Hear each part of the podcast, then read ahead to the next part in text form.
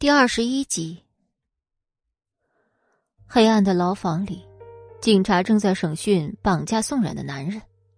昏暗的灯光照在穿着囚服的男人身上，警察气急败坏的一拍桌子，大声喊道：“你别不识好歹！”男人抬手摸了摸脸上的唾沫星子，嘴角勾起一抹痞笑，笑的时候，他脸上的刀疤越发显得狰狞可怖。与此同时，莫千行撑额端坐着，手指一下一下的敲击着桌面，看着屏幕上的监控显示器，沉思了一会儿。莫千行对身后的暮云说道：“继续审问。”是。暮云看着自家老板冰冷的目光，欲言又止。想说什么就说吧。莫云上前一步，将一份文件递给莫千行。总裁。今晚有一个会议，对方希望您亲自出面。那就取消。说完，莫千行立马起身准备离开。暮云望着他快步离开的背影，摇了摇头，无奈的叹了一口气。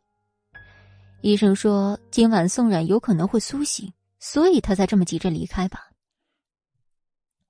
莫千行赶到医院的时候，医生说宋冉已经醒了。他小跑着穿过走廊。走到门前，却又停住了。莫千行松了松领带，漂亮的喉结上下滚动，装作若无其事的走进病房。宋冉正看着窗外出神，丝毫没有注意到莫千行的进来。宋冉，你真是胆子越来越大了。莫千行低沉的声音一开口，宋冉诧异的回过头。莫千行看着病床上的宋冉，整张脸毫无血色。瘦的眼眶深陷，眸子却是清澈的。没有我的允许，你连死的资格都没有。莫千行看着宋冉一言不发，语气重了几分。宋冉突然觉得委屈，若不是担心莫千行，他也不会被人绑架。于是鼻子一酸，眼里瞬间氤氲了一层雾气。莫千行，你混蛋！越想越委屈，宋冉干脆放声大哭起来。莫千行面对突然情绪崩溃的宋冉，开始自责刚刚语气过重。他走到床前，将宋冉的头按在自己胸口，轻轻拍了拍他的肩膀。宋冉就这样在莫千行的安抚下睡着了。莫千行将他轻轻的抱起，放在床上，细心的掖好被子。俯身亲吻宋冉光洁的额头。夜里，意识模糊中，宋冉闻到了一阵熟悉的味道，是莫千行。宋冉以为自己在做梦，用手环住身边男人的腰身，嘴里嘟囔着：“嗯，千行，我还累，你背我好不好？”好。莫千行温柔的握住腰间小手，声音透着无限柔情。莫千行，你不要走好不好？宋然突然抓紧莫千行的衣襟，语气中带着哭腔：“不走，我在呢。”莫千行语气更加温柔的哄着睡梦中意识不清醒的宋然，心里原本的平静。被他一声声的牵行打破了。慢慢的，莫千行身心放松下来，不知不觉也睡着了。清晨的第一缕阳光照进病房，宋冉缓缓睁开眼睛，发现自己躺在莫千行的怀里。原来，昨晚不是梦。宋冉又闭上眼睛，假装睡着了，贪恋着莫千行身上熟悉的味道。几分钟后。莫千行也醒了，看着怀里的宋冉，真想时间停住。他们之间没有仇怨，没有不好的过往，一切都像刚开始的样子。莫千行靠近宋冉的唇，温柔的啄食着，宋冉忍不住回应了一下。莫千行感受到宋冉的回应，突然开始霸道的侵略他的舌根，吻得宋冉喘不过气来。宋冉微微哼了两声。莫千行仿佛被人勾起心底深处的欲望，大手在宋冉身上游走，随着宋冉一声娇喘，莫千行好像得到释放一般，吻得更加深入。房间里荡漾着暧昧的气息。宋冉看着被自己抓皱的床单，不敢相信，自己刚刚居然回应了莫千行。从签合约那天开始，莫千行就开始无尽的折磨他，而他的心里对莫千行的爱一点一点的被他磨灭。可宋冉知道，他内心深处还是爱着莫千行的，不然也不会在听到他出事时心急如焚。昨天终究是抑制不住，没有掩饰的心里其实对莫千行爱他的渴望，但是合约已签，他现在不过是一个情妇，有什么资格说爱不爱的？莫千行离开医院后，直奔警局，在车上回想着宋冉刚刚的表现。他时刻抿着的嘴角忍不住微微勾了一下。暮云从后视镜中看到莫千行上扬的嘴角，心里忍不住纳闷却又不敢过问。莫千行刚推开车门，就看见警察局门口站着的林雨柔。莫千行目不斜视的大步向前走着，林雨柔便踩着高跟鞋跑上前来，一把抱住莫千行的胳膊。千行。你这些天去哪儿了？我都好久没见你了。有事。那我们的婚礼马上就要到了，千修，你都不过问一下吗？嗯，我知道。说完，莫千行甩开林雨柔的手，大步向前。林雨柔看着莫千行离去的背影，嘴角勾出大幅的弧度。半个小时前。林雨柔翘着二郎腿坐在身穿囚服的男人前面，趁着看守的警察不备，林雨柔悄悄拿出了一张照片。男人的瞳孔慢慢放大，握着拳头的手轻轻抱起，双眼紧盯着林雨柔。你想干什么？林雨柔凑在男人的耳边，笑得十分妩媚。他们活着还是你活着？你选一个。男人猛地捶了一下桌子，他咬牙切齿的看着林雨柔。贱人！林雨柔装作没听见男人的谩骂，玩弄着自己的头发。沉默几秒，男人终于慢慢抬起头：“不要伤害我老婆孩子。”语气冰冷，又好像带着一丝哀求。林雨柔对男人的回答似乎十分满意，狡笑的点头：“ 这就对了嘛。”而此时，莫千行对着审讯结果皱着眉头。绑架宋冉的皮衣男人对自己的行为供认不讳，绑架的动机是见色起意。莫千行将审讯报告揉成一团，丢在一边，薄唇微起。那就让他在牢里好好赎罪吧。处理完警局的事儿，莫千行又马不停蹄回了医院。推开门，宋冉还未醒。莫千行便趴在宋冉身上闭目养神。这几天，莫千行在公司、医院和警局之间来回跑，累得心力交瘁，一不小心就这样趴着睡着了。宋冉醒来，看到窗边的夕阳，他睡得很熟，呼出的气打在宋冉手上，温柔湿润。宋冉抬手摸了摸莫千行的胡渣，眼里柔情似水。而门外，莫雨柔看到这温馨的画面，愤然离开。第二十二集，经过半个月的调养，宋冉终于可以出院了。回到莫家，王妈开心的迎上来，一手接过宋冉手里的包，一边说：“宋小姐，饿不饿呀？想吃点什么？我给你煮。”不用了，王妈，我不饿。宋冉回到房间，一切都是他刚离开的样子。莫千行从家门就一直跟在他身后。此时他坐在沙发上，从上衣口袋掏出一张卡，递给宋冉：“给你，拿去。”莫总开心赏给我的吗？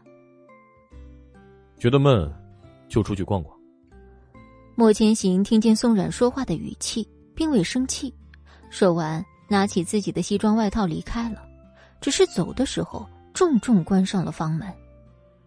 莫千行心里有气，明明前两天还像小猫一样依赖自己的宋冉，回到家中就牙尖嘴利的讽刺，偏偏他大病初愈，不能对他生气。莫千行气得将外套重重的摔在接来他的司机脸上。房间里的宋冉拿起莫千行给他的卡，仔细端详了一下，上面还刻有 MQX 字样。宋冉将卡随手的收进了化妆台的抽屉里。这天吃过午饭，宋冉突然觉得闷得慌，他想起莫千行给他的卡，他拉开抽屉，带上那张卡准备出门。车上，坐在宋冉身旁的王妈问：“宋小姐，我们这是去哪儿啊？”到了你就知道了。自从上次出事后。莫千行要求宋冉无论去哪儿都要带上王妈和一个专属司机。车子停在了一家商场的空中停车场里。王妈第一次见车可以进电梯，然后升到一个空中平台平放，她惊呼：“哎呦，开了眼界了！”车停好后，司机和王妈跟在宋冉身后进了商场。很久没有出来逛过，宋冉看着熙熙攘攘的人群。嗅到了墨家没有的人间烟火味儿。宋冉走进一家店，店员对着宋冉上下打量一番后，立马迎上前来。宋冉穿着一件黑色挂脖连衣裙，胸口处一小块三角形的镂空设计，腰身微微收缩，衬得她身形苗条。这件连衣裙是私人手工定制的，花费好几万，也难怪店员如此殷勤。宋冉指着柜子里一条铂金项链说：“试试这条。”店员立马拿了项链给宋冉试戴。小姐，您真有眼光，这款是今天才到的新款，是意大利设计师设计的限量版，在 Y 城数量不会超过三条，和你手上的戒指十分搭配。宋冉微微一笑，并未接话，他一眼就认出这条项链的设计者。宋氏集团还在时，宋冉很喜欢这个设计师的作品，身上的饰品都出自他的设计，包括现在手上戴的这枚戒指。宋冉掏出莫千行给他的卡，付了钱，在一旁等候店员包装。哟，我说是谁呢？这么大手笔啊！宋冉背对着店门，听那娇嗲的声音就知道是林雨柔。宋小姐，您的卡。店员刷完卡后，恭敬的把卡递给宋冉，林雨柔却从店员手里一把夺过卡，她来回看看，笑得更加放肆。宋冉转身，就见林雨柔身边还有一个年纪相仿的女子，两人穿着粉色的香奈儿套装，画着大红唇。你想怎样？我想怎样？你拿着我家千行的卡。问我想怎样？你不知道我跟千行已经订婚了吗？宋然，你这脸皮还真是比城墙还厚。林雨柔说完这番话，店内的所有人都开始盯着宋冉看，有的嘴里还发出啧啧的声音。刚刚毕恭毕敬的店员也开始用怀疑的目光打量着宋冉。雨柔，你别生气。干嘛跟一个不知廉耻的小三儿计较呀？林雨柔身边的闺蜜开始阴阳怪气的嘲讽宋冉。丫丫，这就是我跟你说的，一直缠着我家千行不放的宋小姐，你可不要小瞧了人家，人家勾引男人的本事真是让人折服呀。宋冉看着这两个女人一唱一和，眼神毫无波澜，径自往外走。被叫做雅雅的女人突然上前一步拦住宋冉：“怎么，被人戳穿没脸见人，着急要走啊？”跟林雨柔一样让人作呕的声音。宋冉一米七的个子，居高临下的看着两人，冷笑一声：“ 林雨柔，你是嫉妒我住在墨家，手里拿着莫千行的卡，还有莫千行天天陪着我吧？”林雨柔一听这话，脸上一阵青一阵白，说不出话来。你当小三，你还有脸了？丫丫看林雨柔气得不行，指着宋冉的鼻子骂。宋冉一把攥住丫丫指着自己的手指，奋力一甩，妩媚一笑：“哼，当小三儿也是需要资本的，你说是吧？”林雨柔显然没料到宋冉会说出这种话，让他颜面扫地，抬起手给了宋冉一巴掌。门口的王妈焦急的直跺脚，却又不知如何是好。这时。宋冉的专属司机却掏出手机拨通一个电话，宋冉回过神来，毫不犹豫的还了林雨柔一巴掌，力度大到把林雨柔一巴掌扇倒在地。旁边的雅雅慌忙扶起林雨柔，惊慌失措的冲宋冉喊：“宋冉，你疯了，在我的地盘上你撒什么野？”雅雅招手，店员立即上前恭敬走到跟前：“小姐。”原来这家店是林雨柔闺蜜开的，宋冉突然后悔进来了。把他们给我赶出去！雅雅话音刚落，门口的保镖立即向宋冉做出请的手势。柜台的小店员拿着宋冉刚刚买下的项链，不知道该不该送过去，犹豫了几秒，还是走到宋冉面前，递上一个礼品盒。雅雅立即夺过礼品盒，一把甩在地上，指着小店员的鼻子骂。你是猪吗？滚出去！明天不用来上班了。宋冉看着被摔成两半的项链，蹲下来想捡起来，钻心的疼痛传来，丫丫的高跟鞋踩在宋冉捡项链的手上，宋冉疼得跪在地上。住手！一声怒喝声传来，莫千行突然出现在门口，眼里的怒火蓬勃欲出。暮云紧随其后，雅雅看见莫千行，吓得连连退后几步，表情带着惊恐。莫千行迅速走到宋冉身边，脱下外套披在宋冉身上，他扶起宋冉往外走，走到门口交代了暮云几句，便头也不回大步离开。店里只留下双眼呆滞的庆雅雅和伤心欲绝的林雨柔，从出现到离开。莫千行至始至终都没看林雨柔一眼。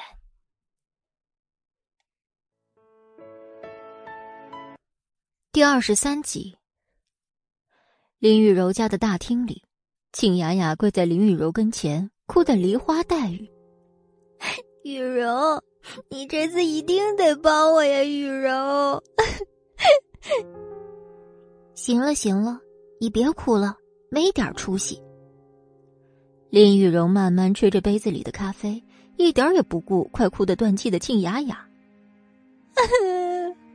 我先生，他想置我们家于死地呀！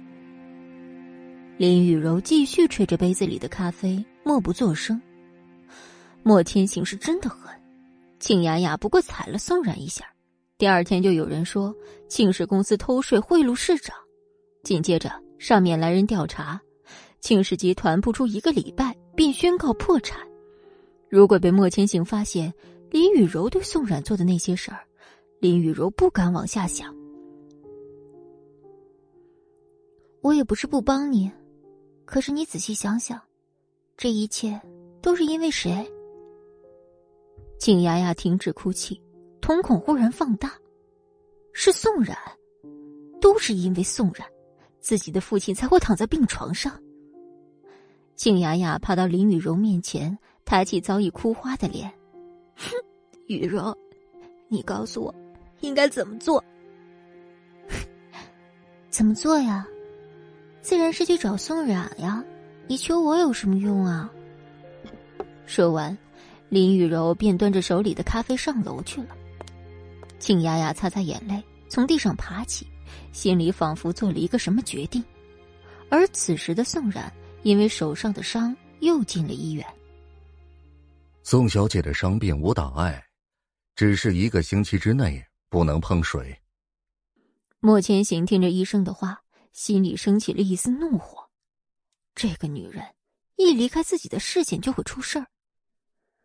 出了医院，宋冉小心翼翼的跟在莫千行身后，像一个犯错的孩子。莫千行总是能在关键时刻出现。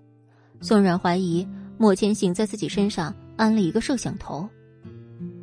回到家里，宋冉走出浴室，想要洗个澡，却又碍于手上有伤，只能作罢。莫千行看他进了浴室又出来，一把将宋冉抱进浴室，吓得宋冉哇哇大叫：“啊！莫千行，你要干什么？你放我下来！”莫千行完全不理会宋冉的挣扎，一手摁住宋冉，一手给浴缸放水。水放好后，莫千行帮宋冉脱衣服。看着宋冉视死如归的表情，莫千行戏谑一笑：“怎么了？你还害羞啊？”宋冉别过脸，不敢直视莫千行。他们虽然早就熟悉彼此的身体，可是帮他洗澡，宋冉还是放不开。煎熬了二十分钟，这澡总算是洗完了。不知道是热气熏的还是害羞，宋冉白净的脸上染上了一片红晕。莫千行看着宋冉娇羞的模样，忍不住心里一动，把她抱回床上，身子压了上去。宋冉累了一天，还被莫千行折腾一番，很快就睡了过去。宋冉，你出来！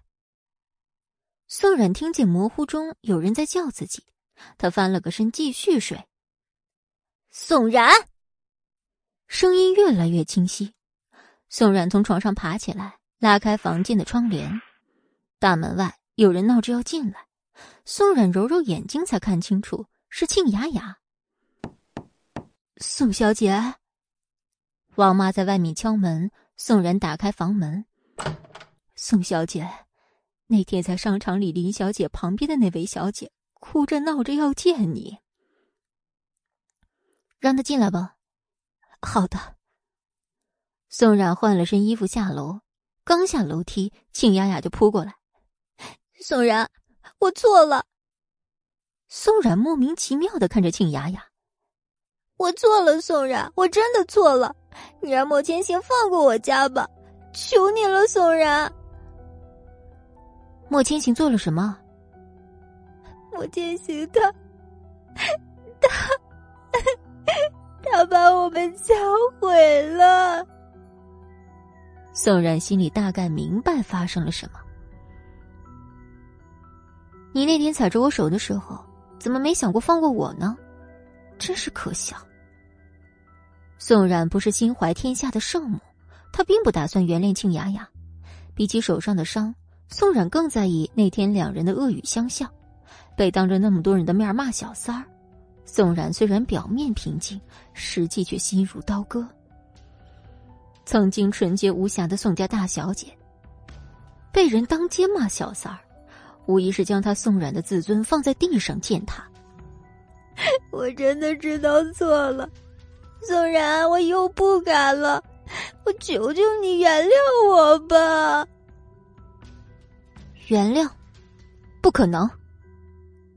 宋冉扯开庆雅雅抱住自己大腿的手，双手环胸，毫无动容的听庆雅雅鬼哭狼嚎了二十分钟。宋冉觉得太阳穴突突直跳，便叫王妈送客。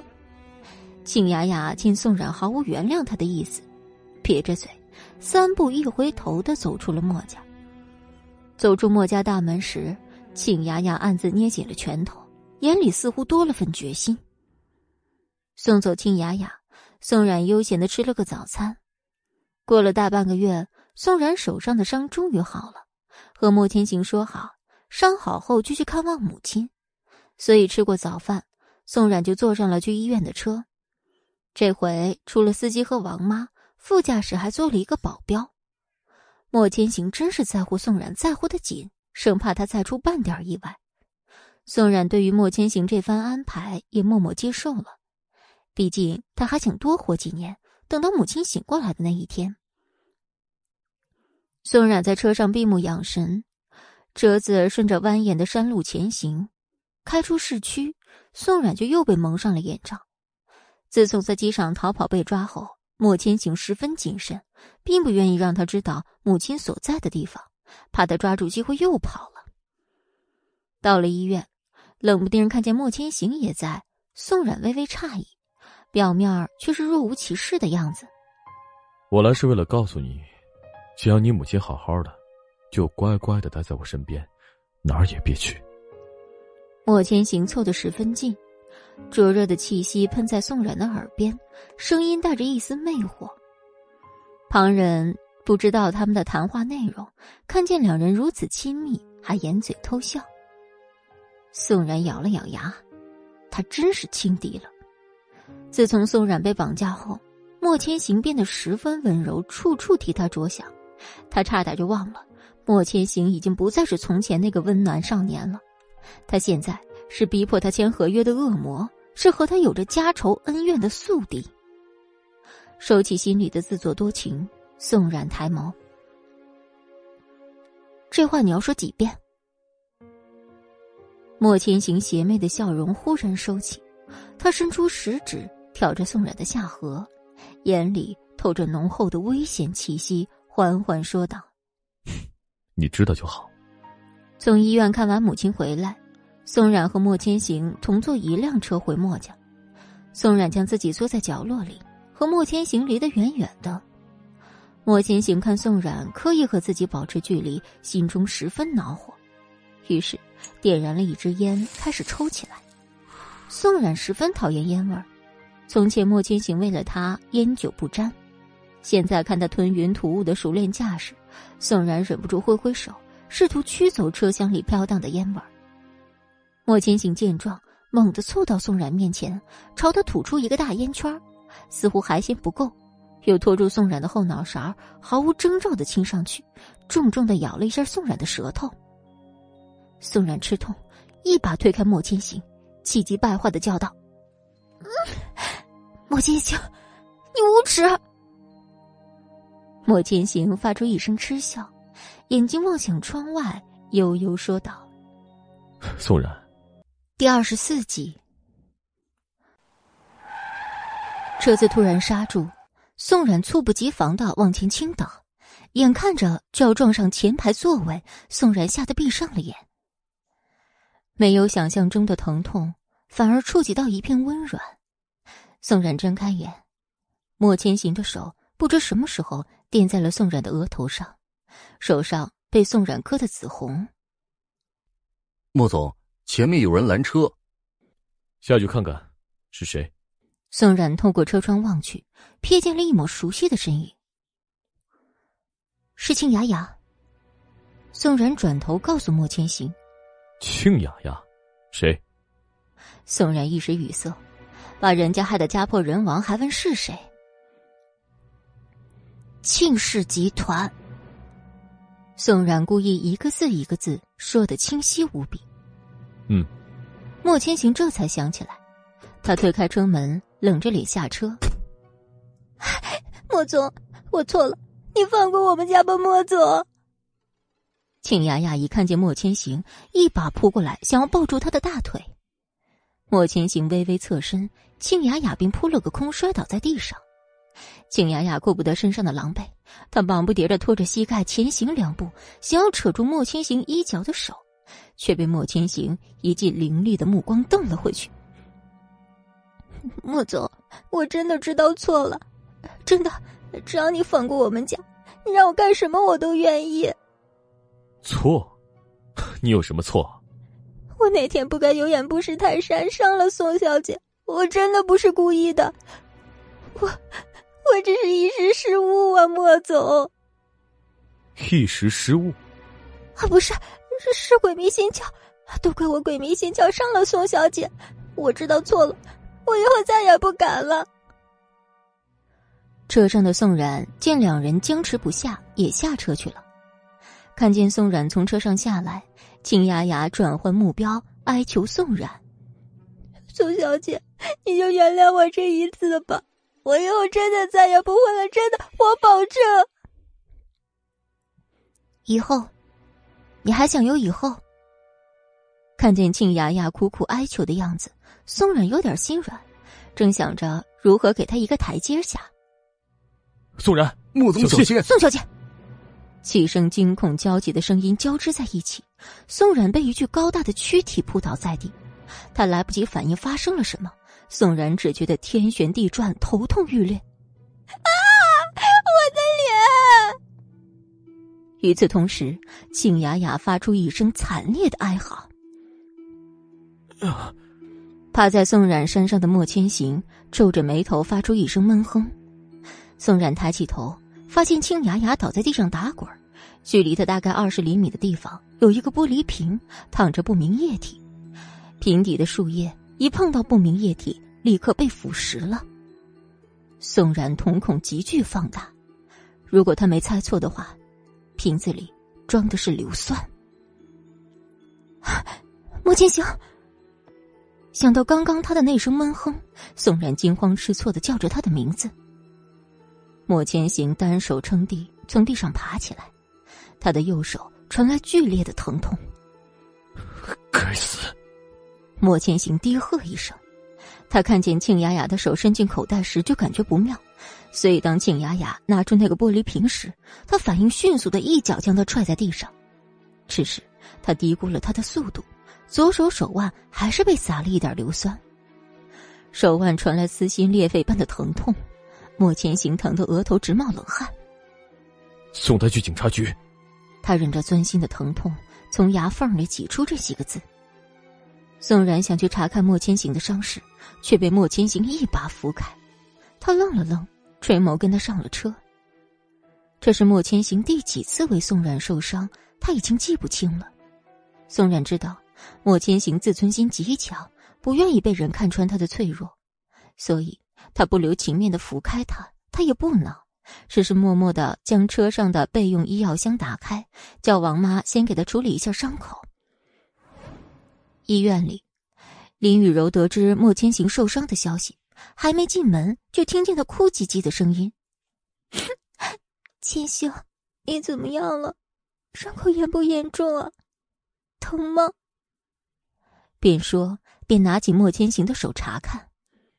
没事儿。莫千行从林雨柔的手中抽出自己的手。宋然，你这个扫把星，要不是因为你，千行怎么会受伤？因为我？难道林大小姐不知道是谁泼的硫酸吗？林雨柔被宋冉怼得不知说什么，只能指着宋冉的鼻子，不甘心的说：“你。”看样子，林小姐是真不知道，是你的好闺蜜庆。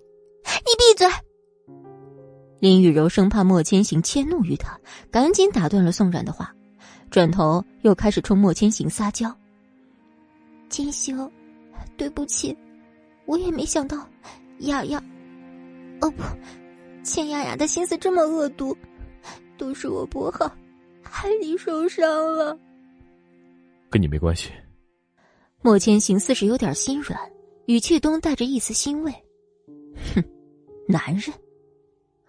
宋冉看莫千行对林雨柔说话如此轻柔，心里冷哼一声。如果不是为了讨好林雨柔，庆雅雅跟自己无冤无仇，何必当众给自己难堪？为了讨好林雨柔，惹祸上身，最后却换来林雨柔一句心思恶毒。宋冉心里一阵恶心，他拿起自己的包。没什么事儿，我就先走了。莫千行一把拽住宋冉的手腕，走？你走去哪儿啊？我为你受这么重的伤，你就这样一走了之吗？莫千行咬牙说道，心里十分恼火。这女人的心是石头做的吗？自己的手腕撕裂般的疼，她竟然要走。想到这儿，拽住宋冉手腕的手不由得加重了几分力道。那你想怎么样？宋冉被拽得手腕生疼，说话也气呼呼的。林雨柔看两人争执，心里暗喜，惨然一笑，道：“ 金行，你让我来照顾你吧。”无人应答，气氛变得十分尴尬。林雨柔不甘心的摇了摇莫千行的胳膊：“不用了，我要让他抵罪。”心疼你的小娇妻吗？宋冉不明白，莫千行是因为自己的漠不关心才大动肝火，还是因为莫千行心疼林雨柔，所以说话带刺儿。莫千行突然松开了宋冉的手，你走吧。宋冉毫不犹豫的转身就走，林雨柔嘴角微微翘起，看来清雅雅也不是完全没有用处。硫酸没有泼中宋冉，好歹让两人之间产生了一些误会。莫千行抿着嘴唇，一言不发的拎起外套，也往外走。第二十五集，莫千行和林雨柔的婚期越来越近了，林雨柔越发得意，每隔几天就要到宋冉面前炫耀一番。午饭过后，宋冉突然接到莫千行的电话，说晚上要带他去参加一个私密的聚会。莫千行带他参加过几次聚会，宋冉也习惯了。反正身份他总归会安排好。久而久之，圈子里都知道莫千行身边有个美的不可方物的宋冉。宋冉拉开衣柜，里面有十几套华丽、价格不菲的晚礼服。宋冉仔细斟酌了一下，拿出一件红色的丝绒长裙在身上比了比，就它吧。宋冉换上挑好的晚礼服。头发低低的挽在脑后，耳边留了几缕碎发，画了一个紧致淡雅的妆容，拿着一个黑色的手提包出了门长长的豪华宾利停在本市一栋标志性建筑楼下。宋冉知道这个地方，从前她还是宋家大小姐的时候，经常随着爸妈出入这些场所。这里她来过几次。顶楼是市里最豪华的会所之一，能进里面的都是当地有头有脸的人物。会所的服务生看见车牌，立马上前迎接宋冉。宋冉扶着服务生的手腕下车，入眼是大厅极尽奢华的装修，罗马柱每隔三米一根，上面雕刻着国外的艺术作品。宋冉将邀请卡递上去，便有人专门为他带路上楼。服务生摁下了一百一十八楼的电梯键，宋冉从透明的电梯玻璃看向窗外。地下的人变得越来越小，电梯有一个房间大，足足上升了二十几分钟，电梯才到达顶层。电梯门缓缓打开，莫千行早已在外面等着，看见宋冉时却被惊艳住了。宋冉选的那身丝柔红色长裙实在是衬极了她，小 V 领神结设计，微微露出胸前的春光，却又遮掩的恰到好处，不禁让人浮想联翩。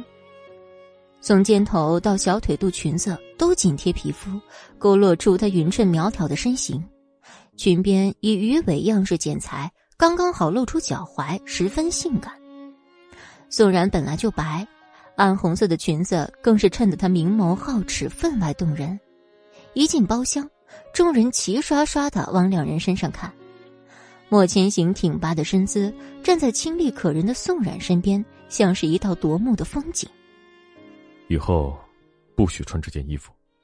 感受到众人炙热的目光，莫千行把手放在唇边，装作咳嗽的样子，悄悄对宋冉说出这句话。宋冉不语，微笑的看着前方，跟着莫千行一起不停的给来敬酒的人回以微笑。红酒沿着杯壁滑入宋冉的红唇，莫千行微微侧目，看他一杯又一杯的回酒。蠢女人。莫千行在心里暗骂道：“以他的身份，每个敬酒的人都要回上一杯的话，明天怕是要去医院洗胃。更何况宋冉一直不胜酒力。”稍稍在酒席上穿梭了一会儿，莫千行把宋冉安排在一个不起眼的角落里休息，自己应付场面去了。宋冉几杯红酒下肚，感觉有几分晕眩，便摇摇晃晃的走到露台，想吹吹风，让自己清醒一点。宋冉站在露台上，从顶楼望下，整个城市一览无遗，马路上的车和人像蝼蚁一般渺小。霓虹灯交替着颜色闪烁，映在宋冉的眸子里，更加撩人。宋冉望着这座城市的繁华，心头染上一丝落寞。他在这个城市已经没有根儿了。冉冉，一声清朗的声音打断了宋冉的沉思。宋冉转身，熟悉的身影映入眼中，是齐军。宋冉收起落寞的神色，诧异的问：“你也在？”“你这是什么话？我怎么不能在啊？”齐军被宋然语气中的诡异气笑了，好像他不应该出现在这儿一样。“哦，好久不见。”宋冉察觉自己失礼，朝齐军微微一笑。月色照在宋冉微醺的脸上，许是喝了酒的缘故。宋冉眼神迷离的看着齐军，齐军心里微微荡漾。从宋冉走进宴席的那一刻，齐军就发现他了，只是碍于莫千行也在，没有上前打招呼。看见他摇摇晃晃的走向露台，他立马跟了过来，却刚好将宋冉一脸落寞尽收眼底。酒劲儿越来越大，宋冉觉得自己太阳穴疼得紧，踉跄了一下，跌入齐军怀里。齐军向后倒了两步，哦，好险啊！齐军呼出一口气，差点没接住宋冉，他勉强撑着身子将宋冉横抱起。齐军掀开露台的帘子，确定周围无人后，抱着宋冉从一扇不起眼的小门匆匆溜走。而另一边，莫千行等人轮番敬酒，终于败下阵来，思维也开始不甚清晰，所以并未注意到宋冉已经不在包厢内。齐军将宋冉从后门带走，开着车子扬长而去。虽然感觉有人在往自己嘴里灌东西。咳嗽了两声，宋冉醒了过来。他睁大眼睛看着齐军，带着惊恐意味的问他：“你给我喝了什么？”“毒药，你活不过明天了。”切！宋冉不以为然，头疼减轻不少。宋冉便明白，刚刚齐军给自己喝的应该是醒酒汤。你要带我去哪儿？发现车上只有他们两人后。宋冉开始问道：“别问了，到了你就知道了。”宋冉乖乖闭嘴。不知道为什么，虽然见齐军的次数寥寥无几，可是宋冉就是十分相信他。夜风吹过，宋冉忍不住抱紧自己的身子。刚刚在会所暖气开的足，现在胳膊和腿儿都露在外面，冷得直哆嗦。齐军从后座拿了一件西装外套扔给宋冉。谢了。车子停在了一家游乐场门口，宋冉看着大门上停止营业的牌子，侧头说：“你被风吹傻了吧？我们要翻墙进去吗？”你也太小瞧本少爷了，免费入场券不是在这儿吗？说着，掏出手机打了个电话。十分钟后，一个顶着地中海的男人小跑过来，笑眯眯的说。齐少爷，什么风把您给吹来了？陈经理，把门打开。齐军伸手抬抬下颌。是是是。陈经理赶紧从屁股口袋掏出一个遥控器，把游乐场的门打开了。少爷，您这是微服私访？陈经理一边说，一边用余光瞄宋冉的胸前。看什么看？再看把你眼睛戳瞎了。齐军一拍经理的脑袋。两只手指做出要戳瞎他眼睛的姿势。呃呃，少少爷，我错了。陈经理抱着头，假模假样的扇了自己一嘴巴子。第二十六集，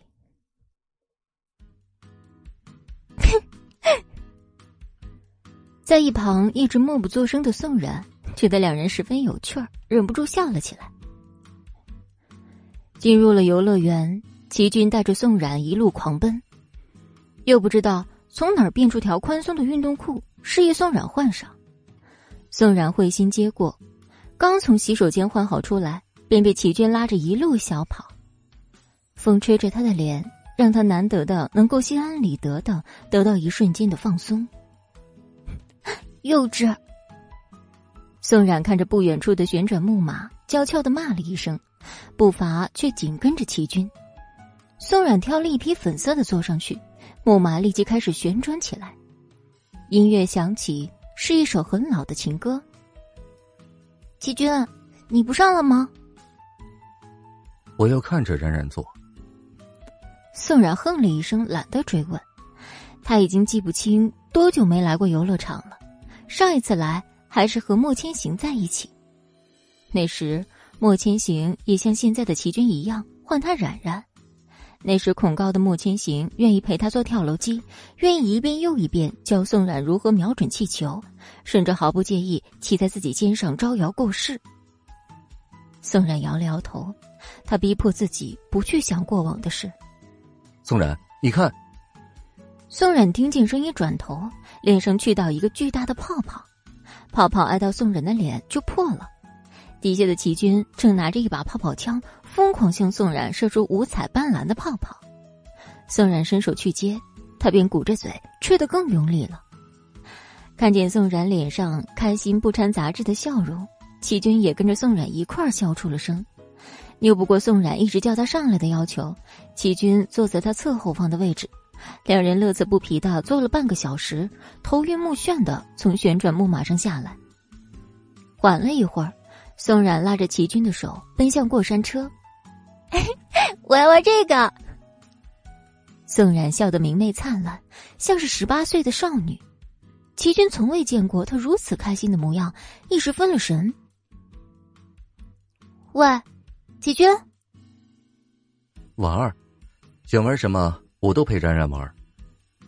宋冉跳上过山车的第一排，告诉齐军这样才刺激。齐军苦笑一声，跟他坐在了第一排的位置。可真是个磨人的小妖精啊！连续坐了三次过山车，齐军忍不住求饶。他刚做完心脏病手术，实在经不起这样折腾。唉，看在你贴心为我准备裤子的份上，我就大发慈悲，饶过你吧。喂，你有没有良心呢？都不感谢我带你逃出囚牢吗？是，谢谢齐少爷大发慈悲带我逃离酒会。游乐场大门口，宋冉上面披着齐军的西装外套，裙子撸在腰上，下身穿着一条运动裤，脚上踩着齐军不知从哪儿弄来的棉拖鞋，十分滑稽。看着自己的打扮，宋冉笑眯了眼。齐军一言不发的看着宋冉，眼里发出光芒。宋冉笑累了后，发现齐军直勾勾的盯着自己，有些发慌。紧接着，齐军垂下了头，宋冉连忙伸出双手抵住他的胸膛，却被他顺势抓住了手，紧握着。然而，下一秒，暴怒的声音传来：“宋冉！”齐军停下动作，宋冉心跳飞快的回头望去。莫千行三步并作两步的走到两人面前，将宋冉拎到身后，拳头不断砸在齐军的脸上。在身材健硕的莫千行面前，体弱多病的齐军毫无反抗之力。宋冉眼看着齐军嘴里吐出鲜红的血液，忙不停的拦住了莫千行。莫千行双目赤红，根本不顾宋冉的劝阻，他一直到把齐军打晕过去才停了手。宋冉在一旁看着晕过去的齐军，他惊慌失措，不停的呼唤他的名字。莫千行眼里怒火更甚，他将宋冉扛在肩上，走向自己停车的方向。不知死活！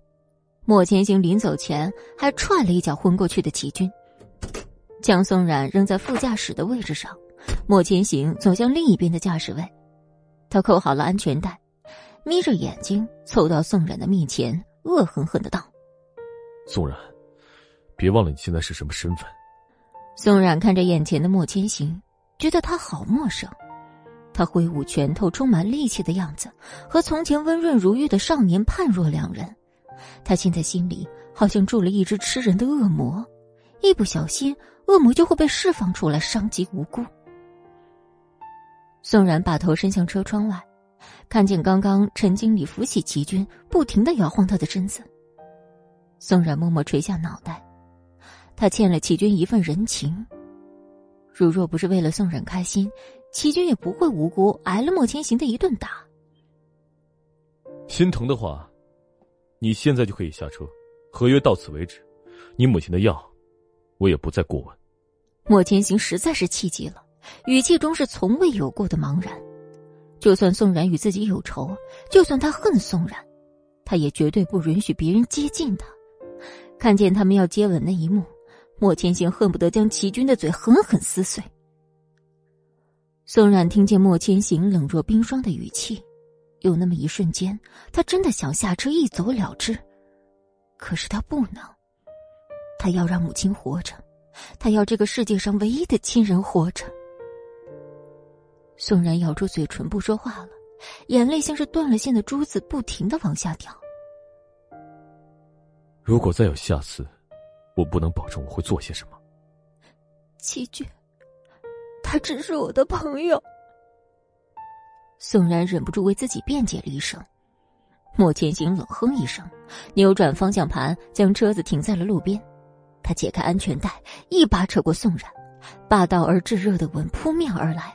宋冉极力挣扎，莫千行将他牢牢禁锢在座位上，从额头、眼睛、鼻子、耳垂，莫千行啃食着宋然脸上的每一个角落，好像要把他整个人生吞了似的。从签合约的那一刻开始。你连交朋友的资格都没有了。莫千行的舌尖舔着宋然的耳后，说出了这句话，更别说是齐军这样的朋友。他满心的怒火和妒火，连他自己也控制不住。宋冉绝望的闭上眼，承受着莫千行暴风雨般的折磨。哀莫大于心死，从此，他再也不是宋冉认识的那个莫千行了。第二十七集，宋冉从酒会中跟着齐军逃跑的事儿传得满城皆知，林雨柔特地跑来莫家挖苦他：“ 宋冉，我还真是小瞧了你勾引男人的本事啊！怎么，你有本事朝三暮四，没本事承认啊？你害得天行在外面抬不起头来，还真是不知羞。”宋冉不语，静静的喝着手中的咖啡，一双美目瞪着林雨柔。你瞪我做什么呀？也不知道千行怎么就鬼迷心窍，带你去参加酒会。我还以为你顾及莫千行的面子才在这唧唧歪歪，原来你是膈应他没带你去参加酒会啊！宋冉站起身，眼神玩味的看着林雨柔。林雨柔似是被人说穿了心事，立刻恼羞成怒：“你别以为千行带你参加个酒会，你就趾高气扬的。我告诉你，千行他爱的是我，他只能跟我结婚。以后陪千行一辈子的人，也只能是我。哦，对了，我和千行下个月就要举行婚礼了，到时候这墨家的女主人。”就是我了。说着，林雨柔仰起头，环视了一圈周围，踩着高跟鞋缓缓走到宋冉跟前。至于你嘛，哪儿凉快哪儿待着去吧。哪儿凉快哪儿待着。我觉得莫家凉快，到时候如果你不介意独守空房，那我也就勉为其难接受三人一起住吧。宋冉故意将“独守空房”四个字咬得重重的。你，哼！宋冉，等着瞧！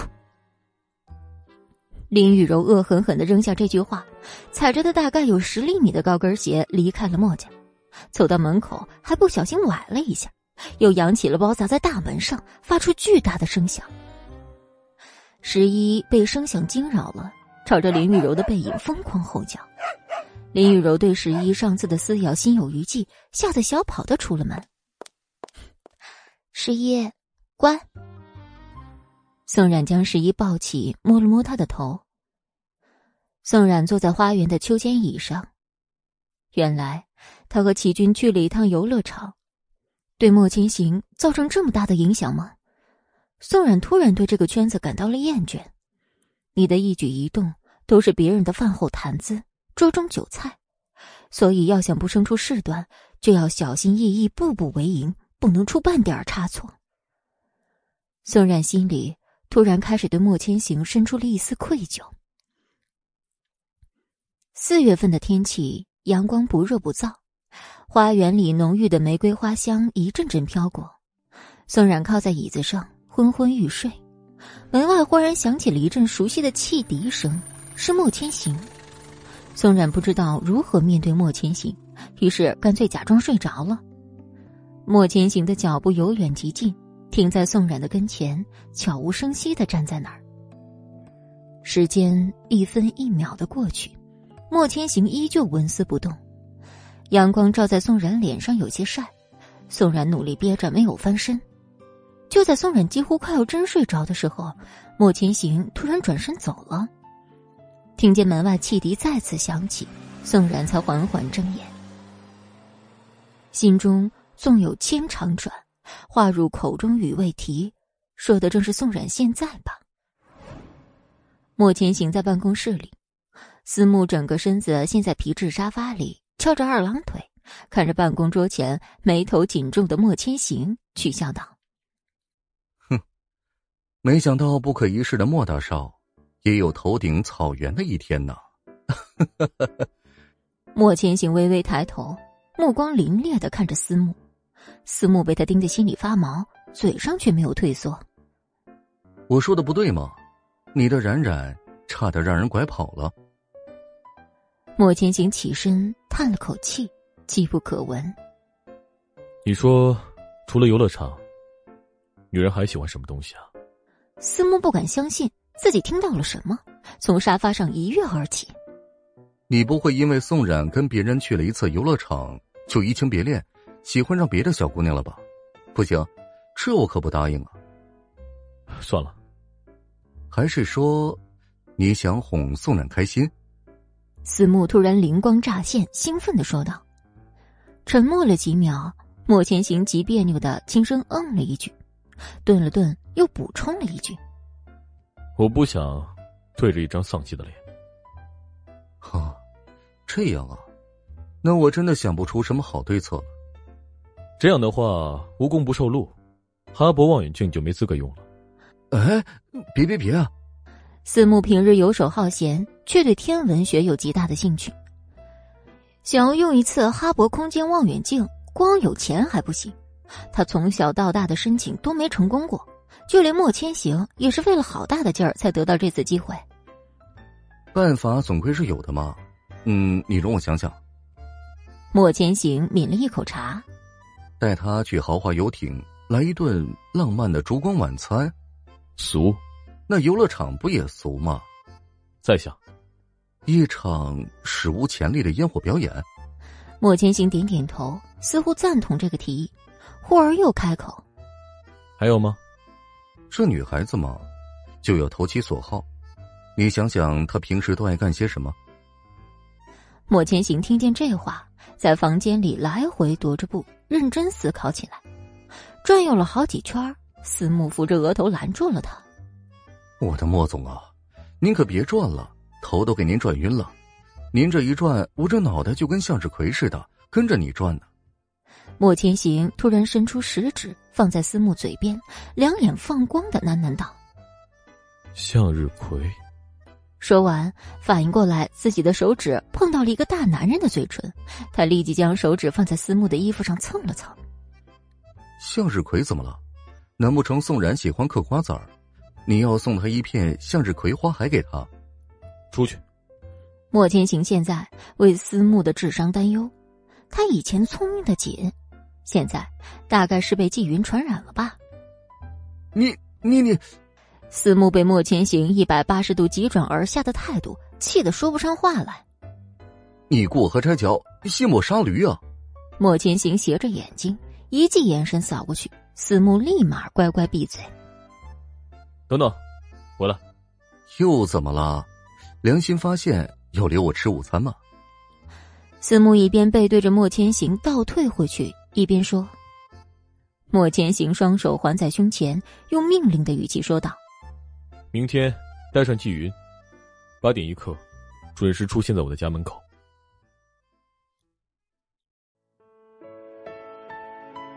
第二十八集，莫家，莫千行今天回来的格外早，甚至还在家里吃了晚饭。看着出现在门口的莫千行，王妈跟宋冉都是一愣。一时不知该如何反应，半晌，王妈才弯起眼角，笑着说：“啊，少爷回来了。”莫千行应了一声，将手中的外套顺手递给王妈：“给我准备一份晚餐。”听了这话，王妈又愣住了。莫千行几乎没有在家吃过晚餐，每次回来都是三更半夜，今天突然回来的这么早，还要在家里用餐，实属稀奇。接过了外套，王妈连声应着：“哎，好，少爷想吃点什么呀？”随便吧。莫千行走进客厅，坐在宋冉对面的沙发上。宋冉除了莫千行刚进来时抬眼看了他一下，就一直低着头看着手里的书。两人一语不发的坐着，周遭十分安静。莫千行看宋冉没有要理自己的意思，他撑着额头，直勾勾的盯着宋冉看。宋冉被他盯得浑身不自在，扔下书走进了厨房。一直趴在宋冉身边的十一却哼哼唧唧的跑到莫千行身旁，用头拱着莫千行的小腿。莫千行回来的次数很少，但每次总会跟十一玩一会儿。可就是这一会儿，十一却对莫千行十分的粘人。切，没良心！宋冉看见十一对莫千行的亲昵，悄悄的嘟囔了一句。进了厨房，看见王妈正在烧一盘咖喱牛肉，青椒、彩椒、洋葱混在一起，搭配上淡黄色的咖喱，看起来十分有食欲。王妈，再准备一份意面和牛排吧。宋冉淡淡开口，暖黄色的厨房灯光照在宋冉柔美的侧脸上，分外娴静。小姐，你不是喜欢吃中餐吗？宋冉侧过身子，用眼神示意王妈。王妈顺着他的眼神看过去，客厅里的莫千行把十一抱在身上，轻轻的摸着他，十一则十分享受的眯着眼睛，享受他的爱抚。平日里总是不苟言笑、脸庞冷峻的莫千行，此刻低着头的样子却显得温柔无比。王妈瞬间明了为什么要做一份西餐了。宋冉跟他在一起这么多年，毕竟是知道他的喜好的。王妈看着两人，不明白，明明彼此眼里有对方，可还如此的相互折磨。唉，宋小姐。其实少爷他王妈，宋冉低声喝住了王妈，不让她继续说下去。王妈摇了摇头，又另起了一个锅，开始准备莫千行的晚餐。前后不过二十分钟，王妈就做好了一顿丰盛的晚餐，一边摆着碗筷汤匙三菜一汤的中餐，另一边是摆着刀叉冷盘意面牛排的西餐，场面一时有点搞笑。宋冉自顾自的低头喝汤。莫千行拿起刀叉，细细的切着牛排。宋冉记得以前和莫千行谈恋爱时，他总会将就自己，顺着宋冉的口味吃那些口味极重的川菜。从小在国外长大的莫千行十分吃不惯，却依然愿意惯着宋冉。而现在，两人各自吃着自己习惯的食物，都沉默不语，只有刀叉相撞、汤匙划过瓷碗的声音。终究是物是人非了。用餐完毕，莫千行将餐具整齐的摆放在餐盘中，用洁白的餐巾擦了他嘴角的残渣，看着宋冉将碗中最后一口汤送入口中，思忖了一会儿，欲言又止。你想说什么？出乎意料的，宋冉却先开了口。每次莫千行想要说什么话时，总会将双手交叉。左手的大拇指放在右手拇指的指甲盖上，上下来回不停的动，这是莫千行不为人知的一个小习惯。莫千行右手握拳放在唇上，低咳了一声，缓缓开口：“ 明天，司母说天气好，邀请我们去葵园。”宋冉放下手中汤匙，正对上莫千行幽深的目光。莫千行表面风平浪静，其实心已经跳到了嗓子眼儿。他不能用宋冉的母亲去威胁他一件这么小的事儿，可若是宋冉拒绝，那他定然不能坦然接受。尤其是看见宋冉那天在游乐场门口那种发自内心深处的想。不去我也不需要我准备什么吗？两人几乎同时开口。莫千行看着他一直不说话。想着被宋冉拒绝，不如自己先开口找个台阶儿，而宋冉却在奇怪莫千行突如其来的邀请，良久才开口：“不必了，带上人就好了。”莫千行得到宋冉的回答，丢了这句话就离开了餐桌。而另一边，正在电脑面前搜索如何甩掉凡人追求者的思慕，一连打了好几个喷嚏。莫千行回到书房，双手交握撑着额头，他暗自思考：是哪个环节出了问题？刚把宋冉带回来时，他还是绝对的主导者。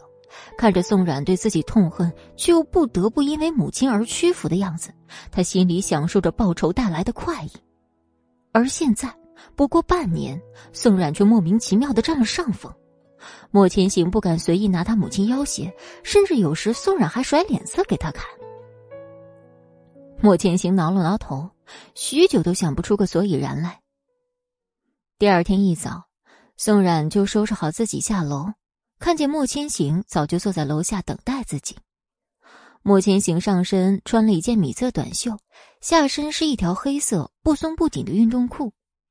很久没有看到莫千行穿休闲装的样子，乍一看上去整个人精神了不少。宋冉快步走下楼梯，对莫千行开口道：“走吧。”再等等。莫千行话音刚落，门口就传来一个清脆娇俏的声音。千行哥哥，冉姐姐。宋冉还未来得及看清是谁，就被扑了个满怀。嗯，冉姐姐，我好想你啊！竟然是纪云。宋冉惊讶的说不出话来。他已经将近六年没有见过纪云了。宋冉比莫千行和思慕小两岁，而整天跟在思慕屁股后面的季云比宋冉还小上五岁。那时，宋冉每次和莫千行约会，思慕都会不识趣的跟过来，而思慕在的地方就有季云。尽管天天被骂跟屁虫，季云还是乐此不疲的跟在他们身后。只是当时季云小太多了，每次稍微用点心思就能把他甩掉。三个人躲在暗处看着季云哭鼻子，宋冉不忍心，就又出现将他哄好。他的脸上还挂着泪，就会咧嘴对你笑。还是冉冉姐姐最好了。第二十九集，看着已经出落的亭亭玉立的季云，宋冉觉得恍若隔世。他紧紧抱住眼前的小姑娘。宋冉脸上是抑制不住的开心笑容。冉姐姐也想你啊，云云。季云亲昵的蹭着宋冉的脖子，然后凑到他耳边悄声道：“冉姐姐，我逃课出来的。”嘘。宋冉一愣，是了，过了五六年，季云现在应该正在念大三。他嗔怒呢，点了一下季云的额头：“你个小滑头。”脸上的笑容却不自觉的加深了。莫千行看着宋冉久久翘起的嘴角，心里暗自思忖：果然叫思慕带巨云出来是对的。另一旁的思慕却拉着脸，从小到大，季云就像橡皮糖一样粘在自己身上，怎么甩都甩不掉。偏偏两家父母熟识，每次对他凶一点，总要挨母亲两下板子。一来二去，思慕只能躲着他。这次要不是为了望远镜，思慕是万万不会答应莫千行这无理要求的。四人上了车，思慕开车，莫千行坐在副驾驶，纪云撵着宋冉坐在后排。从见面开始，纪云的嘴就没停过，一会儿问宋冉这些年都去了哪儿，一会儿操心莫千行的公司会因为他的不近人情而倒闭，然后把他高三到大学的生活绘声绘色的描绘了一遍。思慕听得不厌其烦，忍不住冲纪云吼道：“你再不闭嘴，我就把你扔出去！”你要是把我扔出去，我就把你私自挪用公款的事告诉司伯父。呃，纪云不甘心的顶嘴，一边说还一边吐舌头。挪用公款？对呀，司慕哥哥为了那个破望远镜，把季伯父给他创业的钱全都花光了。就这点钱，我再赚回来不就是了？哼，没关系，大不了我养你啊。季云扬起天真的脸，凑到前排的思慕边上。思慕空出一只手，推开季云的脑袋，切了一声。在季云和思慕的拌嘴中，车子到达了目的地。一下车，入眼的是一块大石，上面用草书写着“葵园”两字。葵园建在这里已经很多年了，只是不对外开放，少有人知道这儿。葵园的主人是一对姓周的老夫妇。墨家出事之前，周氏夫妇与莫千行父母交好，所以他们才能欣赏到如此美景。大门处，一对老夫妇早已恭候多时，看见莫千行他们笑眯眯的走上前，宋然打量了一下这对老夫妻，两人虽满头银发，却精神饱满。笑起来的时候，一口白牙，脸上的褶皱挤在一起，显得温暖又慈祥。老夫妻跟莫千行拥抱问候，对宋冉他们微微欠身表示欢迎。一阵寒暄之后，老夫妻为了让他们玩的自在，找了借口回避了。莫千行则带着他们三人穿过一个爬满花藤的走廊，再顺着走廊上的几级石阶，来到了一座花园洋房面前。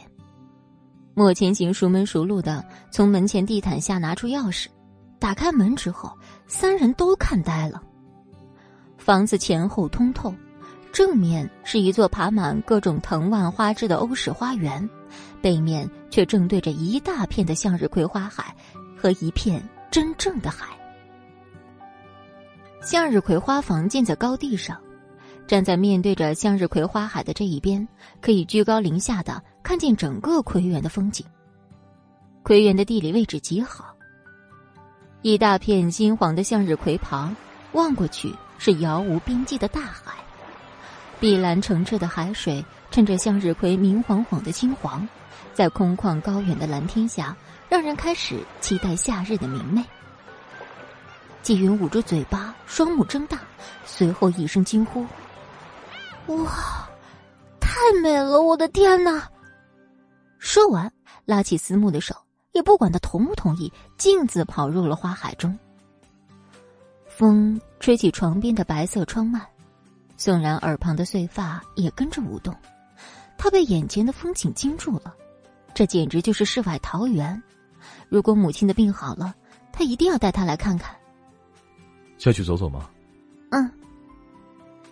置身于这一片金黄中，宋冉觉得心情都明亮了不少。冉姐姐，远处的纪元手持着一大朵巨大的向日葵朝宋冉招手，宋冉也朝他摇手回应。莫千行跟宋冉一路相顾无言，宋冉想说点什么缓解一下气氛，却又说不出口。你母亲的病好了很多，医生说再过两个月，有苏醒的可能。真的吗？宋然喜出望外，却没注意到脚下的石头，一个不小心踉跄着跌进了莫千行怀里。宋冉因为莫千行的话，心中又重新燃起了希望。一兴奋，他抱住莫千行的脖子。莫千行一愣，继而双手也环住了宋冉的腰。看着兴奋的宋冉，莫千行心里又有些气冷。只有母亲能让他如此开心吗？他的心里现在没他半点位置吗？想到这儿，莫千行又松开了宋冉，冷哼了一声。转眼落幕沉静，夕阳染红了半边天。宋冉和莫千行不知不觉走到了葵园的尽头，大海的岸边。晚风吹起宋冉的裙子，夕阳的余晖洒在浅浅的沙滩上。宋冉干脆脱下鞋提在手上。赤脚踩在沙滩上，莫千行跟在宋冉身后，也脱下鞋，光脚踩在了沙滩上。两人静静的坐在一块礁石，谁都没有说话。海浪拍打在脚下，溅起的水花跳起又落下。宋冉缓缓将头靠在莫千行的肩上。要是时间停住就好了，宋冉心想。好呀。原来你们在这悄悄约会。季云突然出现，打破了这份宁静。周叔叫我们回去吃饭呢，快走吧。思慕跟在身后说。莫千行起身，拉起宋然往回走。轻轻的，莫千行牵起宋然的手，宋然没有拒绝。咦，恋爱的酸臭味儿。季云嫌弃的看着两人，转身跑向了思慕。莫千行牵着他的手走在沙滩上，纪云蹦蹦跳跳的围着思慕打转，最后一点夕阳将四人的影子拉得长长的。海风和莫千行都很温柔。很久以后，每当宋冉想起这一幕，都会忍不住微笑。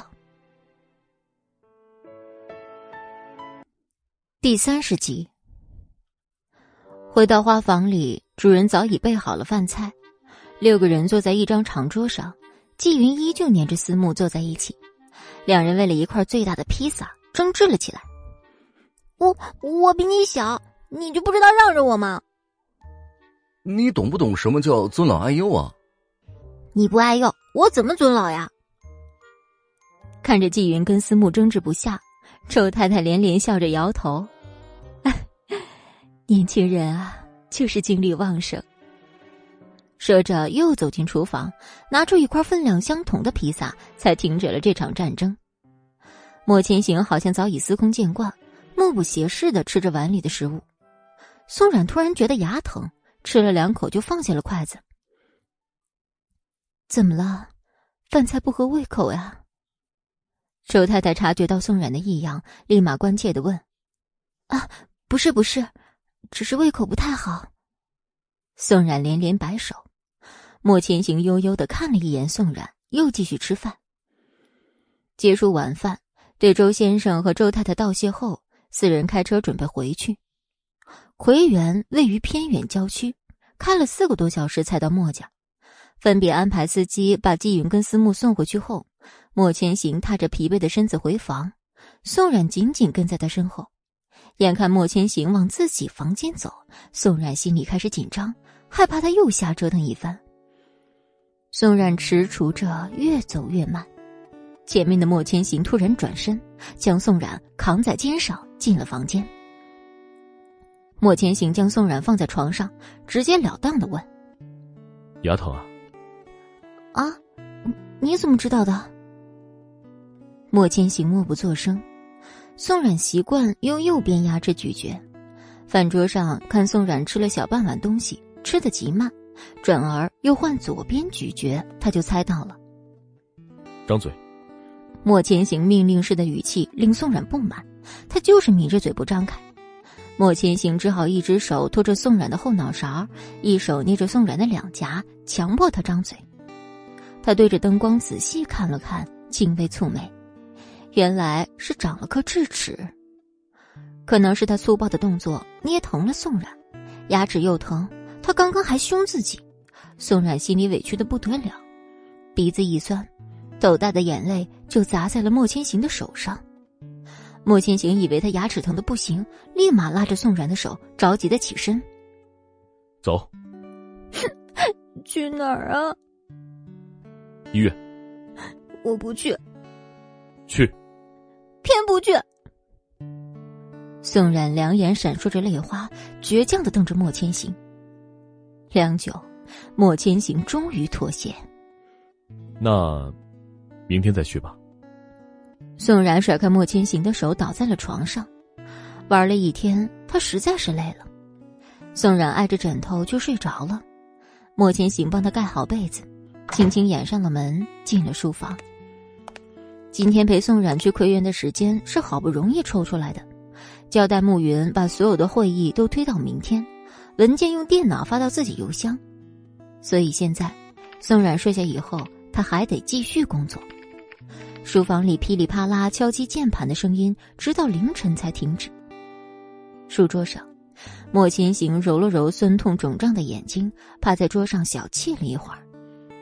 一个半小时后，莫千行进入宋冉的房间，发现他在沉睡，轻轻的在他额头上留下一吻，他又匆匆走出了房门。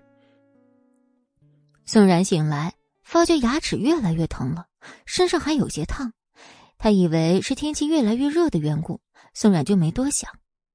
下了楼，十一兴奋的扑上来。宋冉摸摸他的头，表示安抚，又吩咐王妈熬点清淡的粥食。吃过早餐后，宋冉还是觉得自己昏昏沉沉，于是回房又睡了一觉，一觉就睡到了下午。中午，王妈敲门就要用午饭。宋冉也没听见，吓得王妈赶紧打了一个电话给莫千行。所以宋冉醒来的时候，就看见莫千行坐在房间的沙发上，拿着电脑在开视频会议。看见宋冉醒来，莫千行说了几句，出门结束会议。他盖上电脑，大步走到床边，将宋冉扶起，还是用命令的口吻说：“走，去医院。”宋冉浑身无力，他挣脱不开莫千行的钳制，却仍是开口说：“我不去。”自从住在莫家后，宋冉三天两头往医院跑。那家私立医院的医生已经对宋冉十分熟悉了，不过是小小牙疼，吃点药就好了。为什么又要去医院？宋冉并未将这番话说出来，他只是倔强的看着莫千行。莫千行对上他眼里的倔强，冷哼了一声：“哼，连自己都照顾不好的人，还指望照顾你母亲？”宋冉听出莫千行语气里的嘲讽，目光移向了窗外。我自己会吃药。你长的是智齿，已经发炎引起高烧了。莫千行忍着心里的怒火，真是蠢的要命。宋冉这才转过头，微微诧异的看着他。莫千行看宋冉一副毫不知情的样子，心里来气，也不管宋冉是不是愿意，强行给他换上一身衣服，拉着他出门。医院里的医生看见宋冉跟莫千行，嗤笑了一声：“宋小姐，这回是走着进来了。”宋冉无语，懒得回话。也难怪医生会这么说，毕竟宋冉每次都是昏迷着躺进医院的。医生跟莫千行沟通了一会儿，宋冉就被推进了一个小手术室。手术室的灯光照得宋冉睁不开眼，莫千行站在旁边，一脸的淡漠。医生给宋冉打了一针麻醉，宋冉只觉得右半边脸失去了知觉。看见医生手里拿着一把锤子样的东西，宋冉吓得闭上眼，手指紧紧抓着自己的衣服。莫千行上前一步，双手握住他的手，感受到手上来自莫千行的温度，宋冉只愣了下，就紧紧抓住他的手指。或许是麻药的缘故，宋冉没有感觉到想象中的疼痛，但由于紧张，莫千行的手还是被他掐出了几个深深的指甲印儿。从医生那儿领完药，莫千行领着宋冉回家。回到家，麻药的药效开始渐渐退散，宋冉疼的眼泪在眼里打转，他一言不发的瞪着莫千行。莫千行呢，则继续开始敲打键盘。医生说拔完智齿后，随时可能引发高烧，他索性将工作搬到了家里。果然，不过过了几个小时，晚上六点多，宋冉就开始发烧不退，浑身冒汗。莫千行不得不放下手中工作，照顾宋冉。人生病的时候，情绪都会变得很脆弱，宋冉特别明显。平时倔强骄傲，一生病就像只病猫。就连莫千行离开床边拿过电脑，宋冉也紧紧抓住他的衣角不让他走。莫千行只好纹丝不动的让宋冉依偎着他。第三十一集。宋冉躺在莫千行的怀里，头发因为出汗粘在一起，小脸烧得通红。莫千行跟医生确认过，宋冉属于正常的发烧范围，可他仍是有点担心。少爷，宋小姐的药好了。敲门声伴随着王妈的声音响起，莫千行试图掰开宋冉紧紧抓住他的手，可宋冉反而抓得更紧了。无奈，只能叫王妈进来。王妈推开门，看见莫千行和宋冉如此亲密的躺在一块儿，好像早就料到一般，神色也没有任何变化。将药放到床头柜上，就连忙退出了房间。莫千行端起药，轻轻的送到宋冉嘴边，他费力的喂进一口，宋冉却又吐了出来。莫千行端起碗，喝了一大口，低头。用嘴撬开宋冉的唇，缓缓将药送进了宋冉嘴里。宋冉被堵住了嘴，只能勉强的吞下去。喂过药后，宋冉很快就退了烧，迷迷糊糊的睡着了。莫千行这才脱空从床上起来。夜半时分，宋冉又烧了起来。莫千行低低咒骂了一声：“眸子一亮，突然想到什么似的，开始解自己外套上的纽扣，将衣服扔在一旁。莫千行掀开被子，扯下宋冉的睡衣，他缓缓挤开宋冉的唇。宋冉被莫千行的动作弄醒了，依稀听见他说了一声：“还不如来点实际的。”下身传来一阵生疼的感觉，宋冉彻底清醒了。他推开莫千行沉重的身子，用力挣扎，可是四肢无力。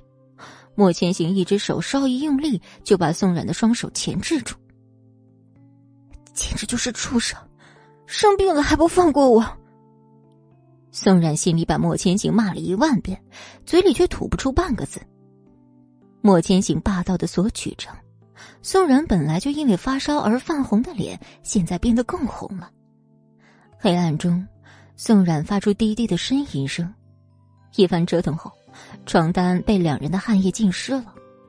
莫千行摸了摸宋冉的额头，果然退烧了。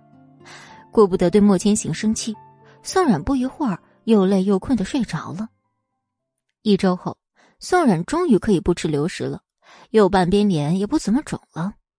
大概是一周内饮食太清淡，宋冉觉得嘴巴特别馋，忽然很想吃妈妈做的红烧肉。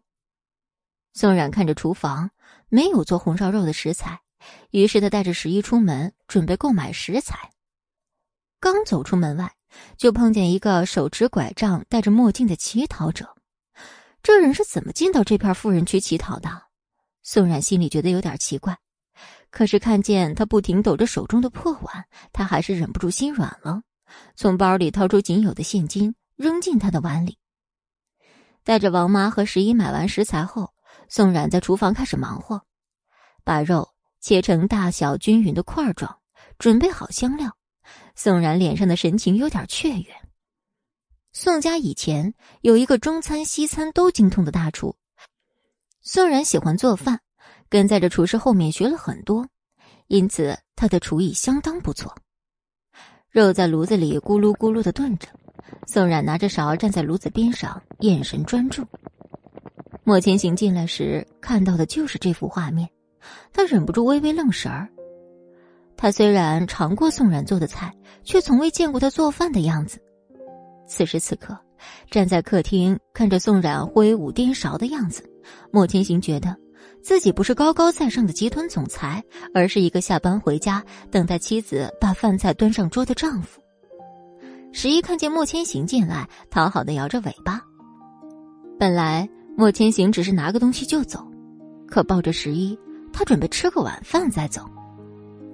宋冉不知道莫千行何时回来的，他庆幸自己肉买多了，就多做了点王妈将菜端上桌，一大盆的红烧肉，还有一盆青菜，另外几个还有很下饭的小炒。少爷，你快尝尝，这些呀都是宋小姐做的。王妈生怕莫千行不知道这是宋冉的手艺，挨个把菜介绍了遍。嗯，吃吧。莫千行举起筷子，夹了一块红烧肉。咸了点儿。宋冉假装没听见，吃的津津有味。反正他觉得咸淡刚好合适。王妈尴尬的笑了一声，为莫千行送上了一杯水。莫千行嘴里说着咸，手上的筷子却一直往红烧肉的碗里伸。宋冉埋着头往嘴里扒饭，眼角却有忍不住的笑意。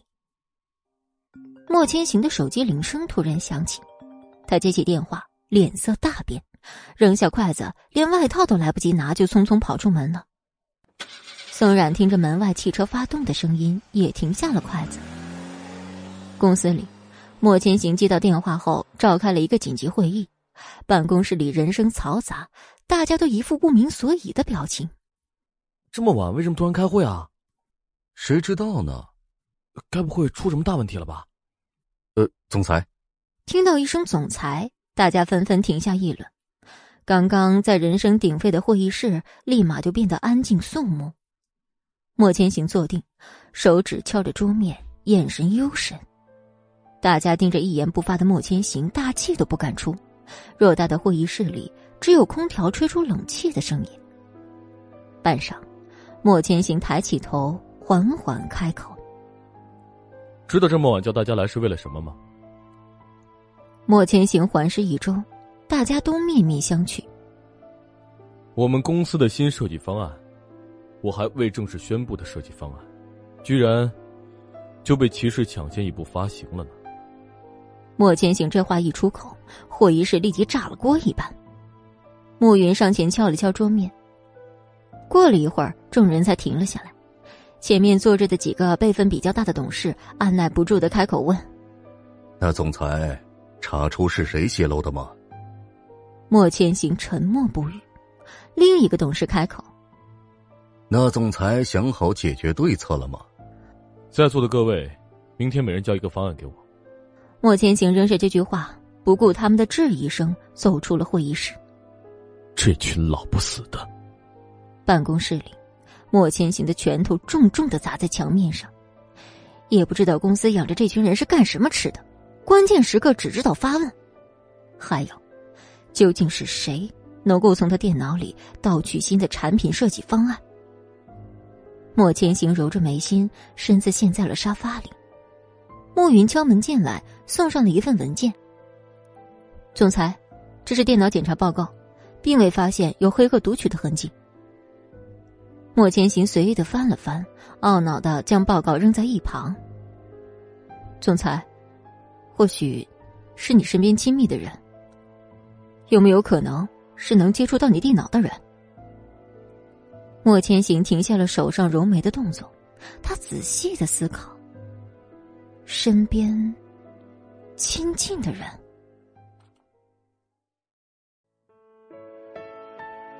第三十二集，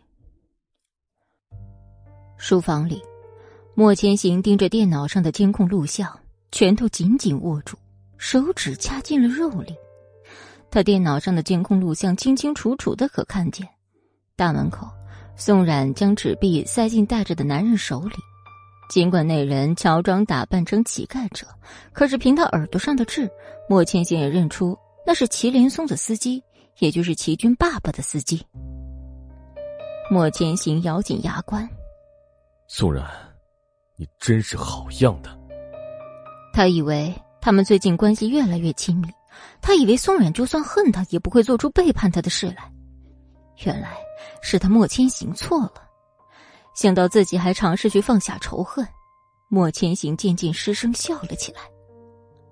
宋然，莫千行嘴里不断的念着宋冉的名字，眼神变得凌厉可怖。莫千行一脚踹开宋冉的房门，吓得宋冉窜了起来。感受到莫千行身上散发的恐怖怒火，宋冉微微退后两步。莫千行大步走到宋冉面前，突然伸出手揪着宋冉的领子，把他提起来，一字一句的问：“宋冉，我莫千行到底哪里对不起你？你父亲害我家破人亡，你现在要背叛我？背叛？我没有。”宋冉被莫千行弄得喘不过气来，他不明白发生了什么，不明白莫千行为什么突然如此愤怒。明明几个小时前还坐在一起其乐融融的吃饭。没有，没想到你已经爱齐君爱到为了他潜伏在我身边了。你疯了吧？你在说什么？我疯了，我就是疯了，才会把杀父仇人的女儿养在身边。你胡说！我爸爸他从来没……住口！宋冉难以置信的看着莫千行扬起的手，却没有躲开，可他的巴掌却迟迟没有落下来。莫千行使劲的攥了攥手，该死的！就算宋冉背叛了他，他发现他还是无法对他动手，而宋冉却心灰意冷的看着他，不管出于什么缘由，他没打他。可他不信他，这是事实。不问缘由，从来不相信他。比起被误会，宋冉觉得自己的心好像被撕扯了一般。莫千行缓缓蹲下，他板着脸在宋冉的头顶说道：“宋冉，你要为你的背叛付出相应的代价。”莫千行，你要做什么？你不要动我母亲。这。可由不得你。他将宋冉拖拽到书房，看完那段监控录像，莫千行吐出了一个烟圈宋冉，你还有什么好说的吗？我什么都不知道，这个人我根本就不认识。不认识。莫千行又打开手机，将一张图片放大递给宋冉。宋冉惊呆了，放大的图片上是一张钞票，通过紫外线一照，上面密密麻麻的都是图形和字，而这些图和字正是莫千行口中被人盗取的产品设计方案。宋然紧紧咬住嘴唇，他觉得再多的解释都那么苍白无力，他只能疯狂的摇头，一直重复着：“我真的不认识他。”我真的不认识。莫千行掐灭烟头，掐住宋冉的下颌，嘴唇一张一合。你是不认识他，你只认识齐军，你的眼里只有齐军。我没有。准备好接受你的惩罚吧，宋然。莫千行将门重重一甩，走出了书房。母亲。宋然嘴里喃喃着母亲，艰难的撑着桌子站起来。他不能哭，现在最关键的应该是阻止莫千行伤害母亲，然后再找出诬陷自己的人。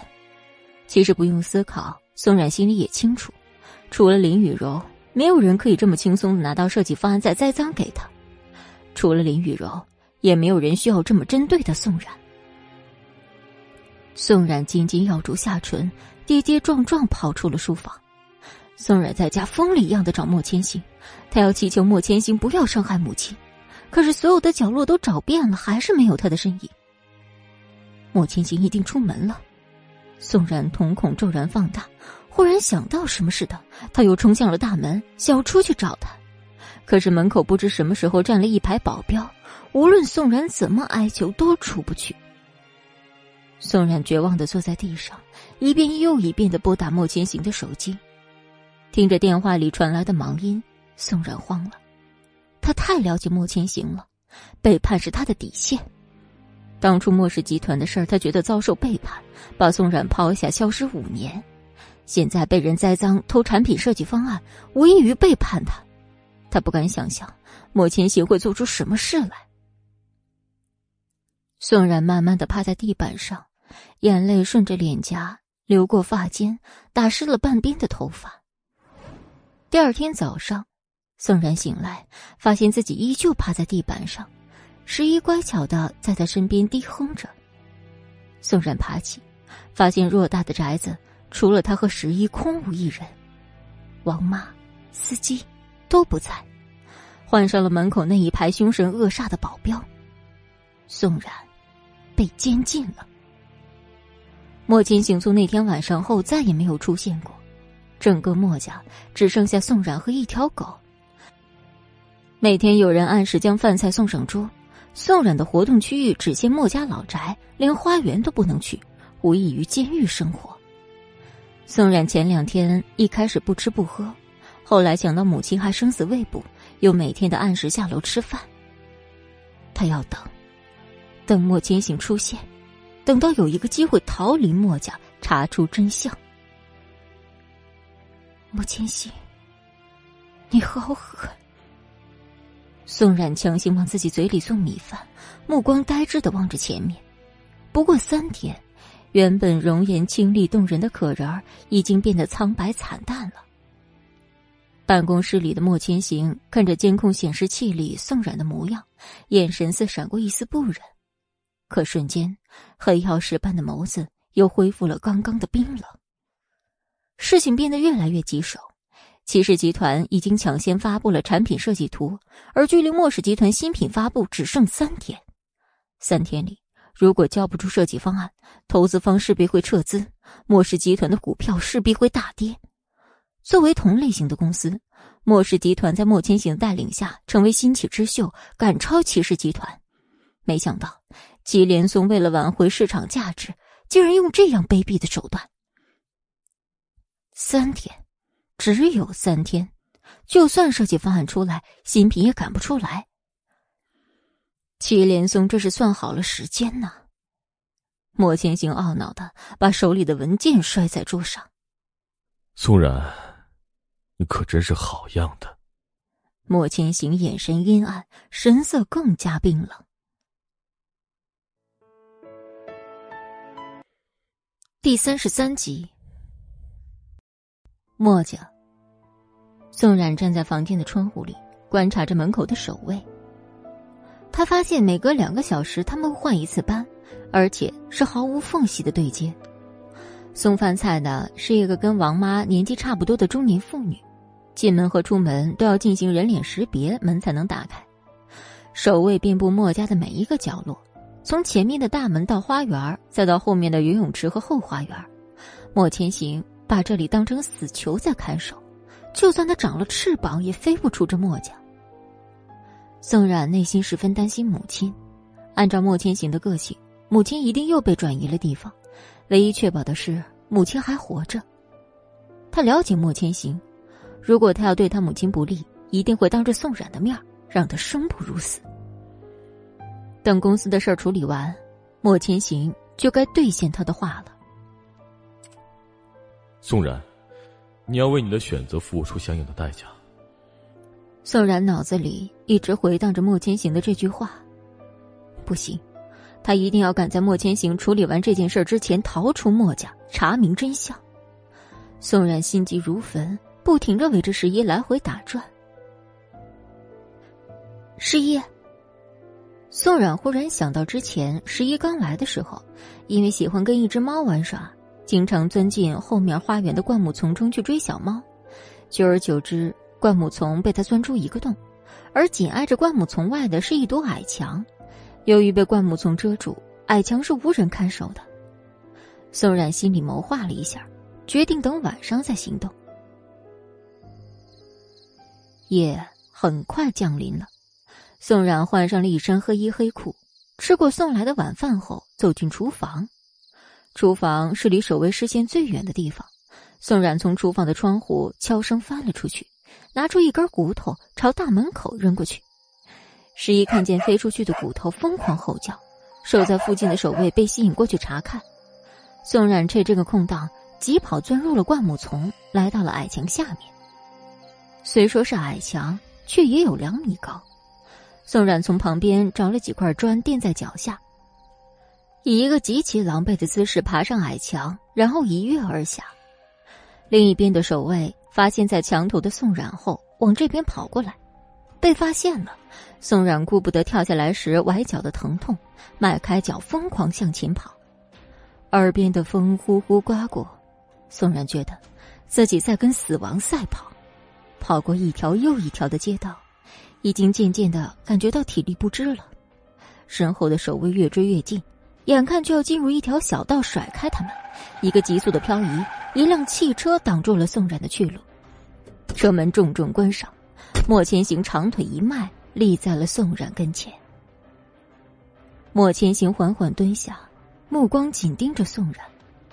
在这五月天里，宋冉被盯得打了个寒战。宋冉不敢抬头和他对视，保持着跌落在地的姿势不敢动。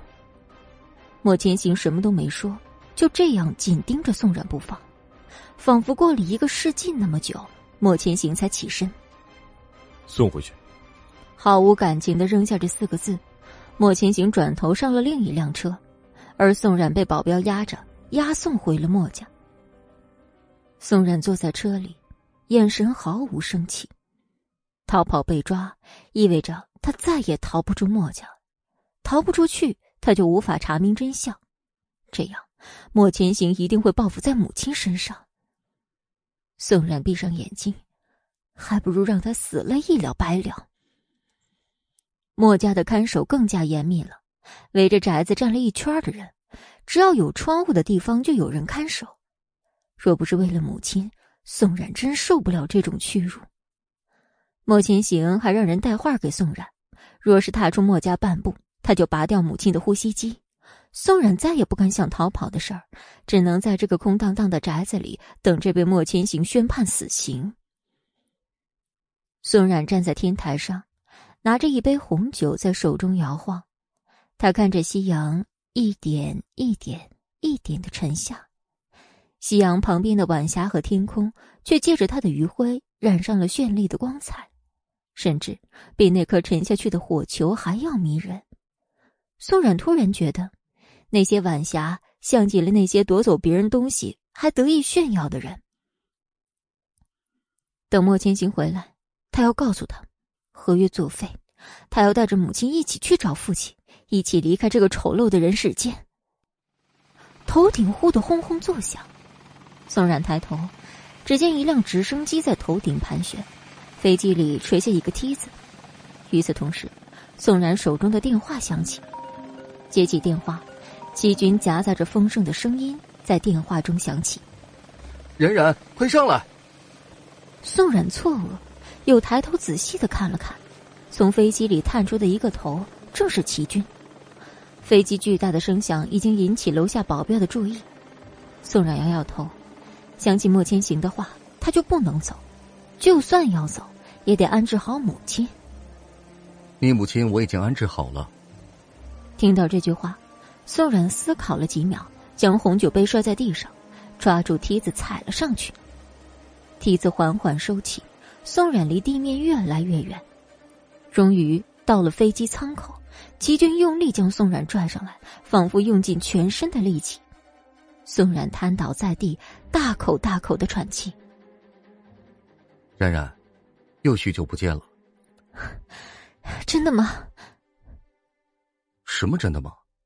我母亲，你真的安置好了吗？真的。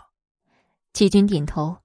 从上次游乐场之后，齐军就一直调查莫千行把宋冉的母亲藏在哪儿了。直到上个月，根据宋冉口中零碎的线索找到那家医院，好不容易花费大半精力买通了主治医生，齐军又听说宋冉被软禁在墨家。昨天晚上，齐军开车赶到墨家，发现宋冉已经逃走了，转遍大半个城市，还是被莫千行抢先一步带走宋冉。所以今天，齐军干脆开着直升机到了墨家，无论如何，他也要救出宋冉。我母亲呢？她现在在哪儿？她现在很安全。你现在应该考虑的是如何找出诬陷你的人。你，你有线索了？宋冉觉得齐军说的对，找出幕后指使，一切都随之解决。你给钞票的那个人，其实是我爸的司机。齐军将宋冉扶起，坐好。宋冉震惊。难怪莫千行在看了监控以后怒不可遏，甚至打了自己一巴掌。原来，他误会了，误会自己与齐军勾结，要扳倒莫氏。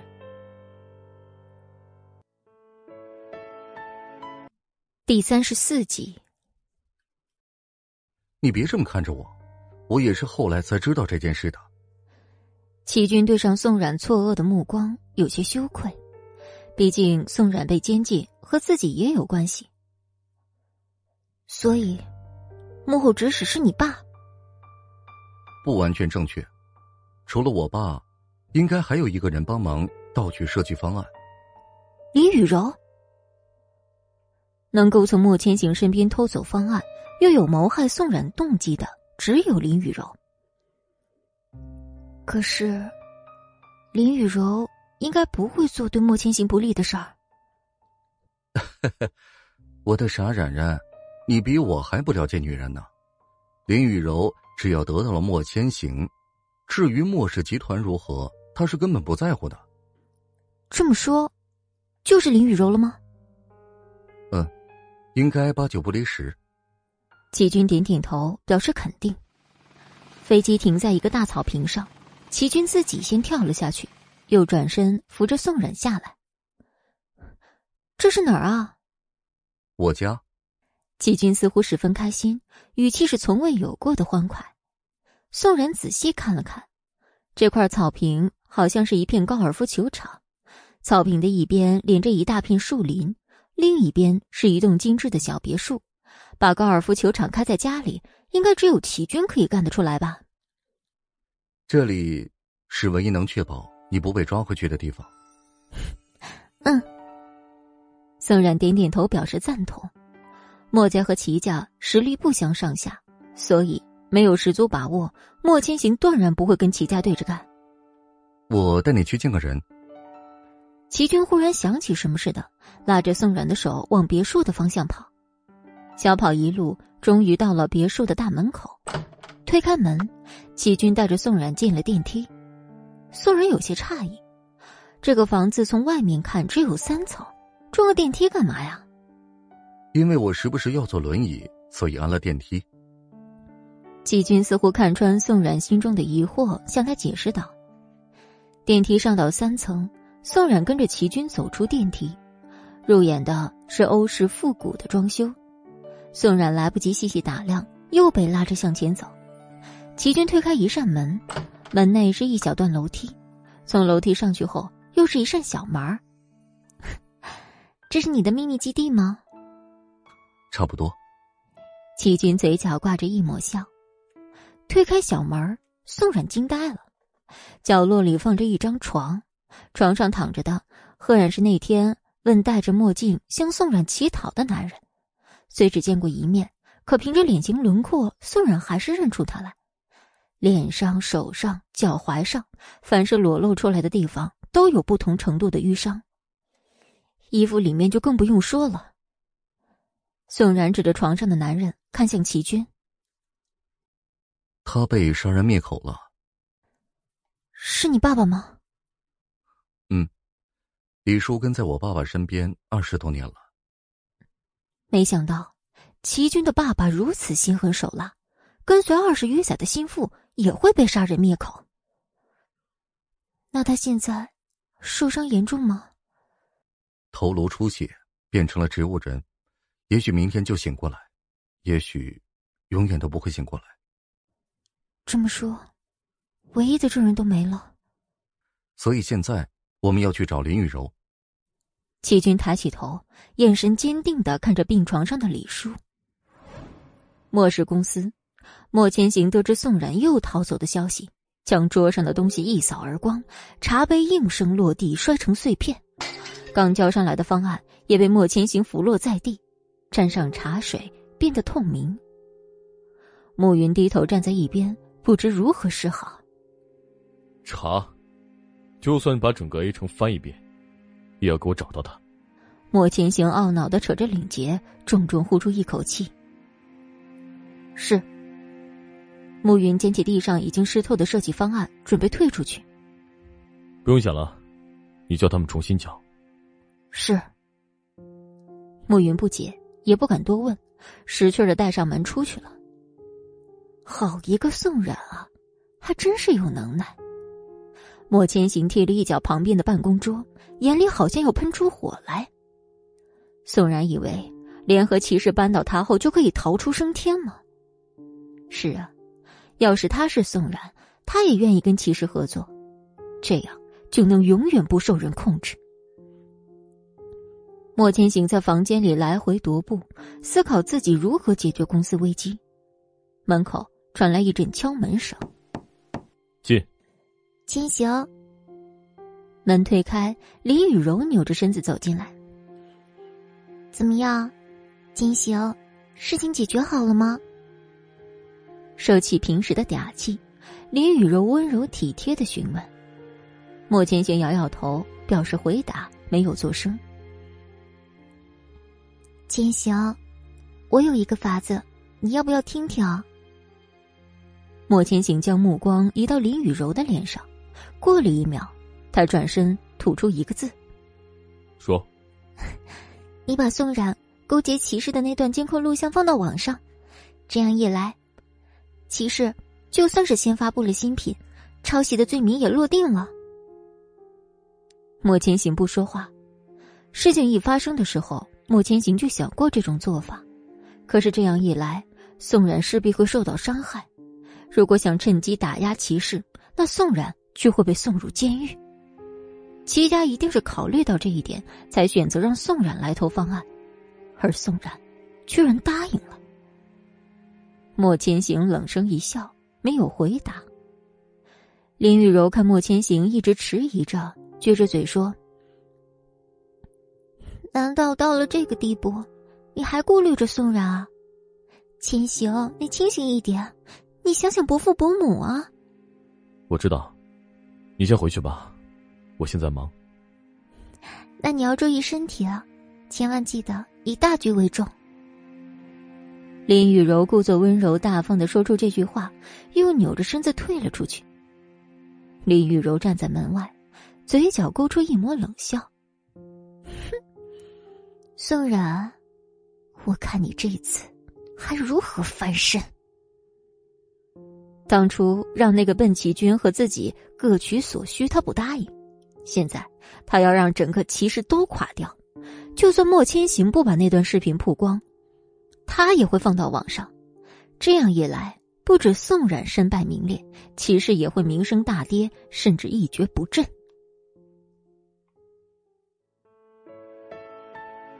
第三十五集。想到这儿，林雨柔双手环胸，笑得越发阴森。而门内的莫千行看着屡屡交上来的设计方案，低低的咒骂了一声“废物”，双手交叉托着额头。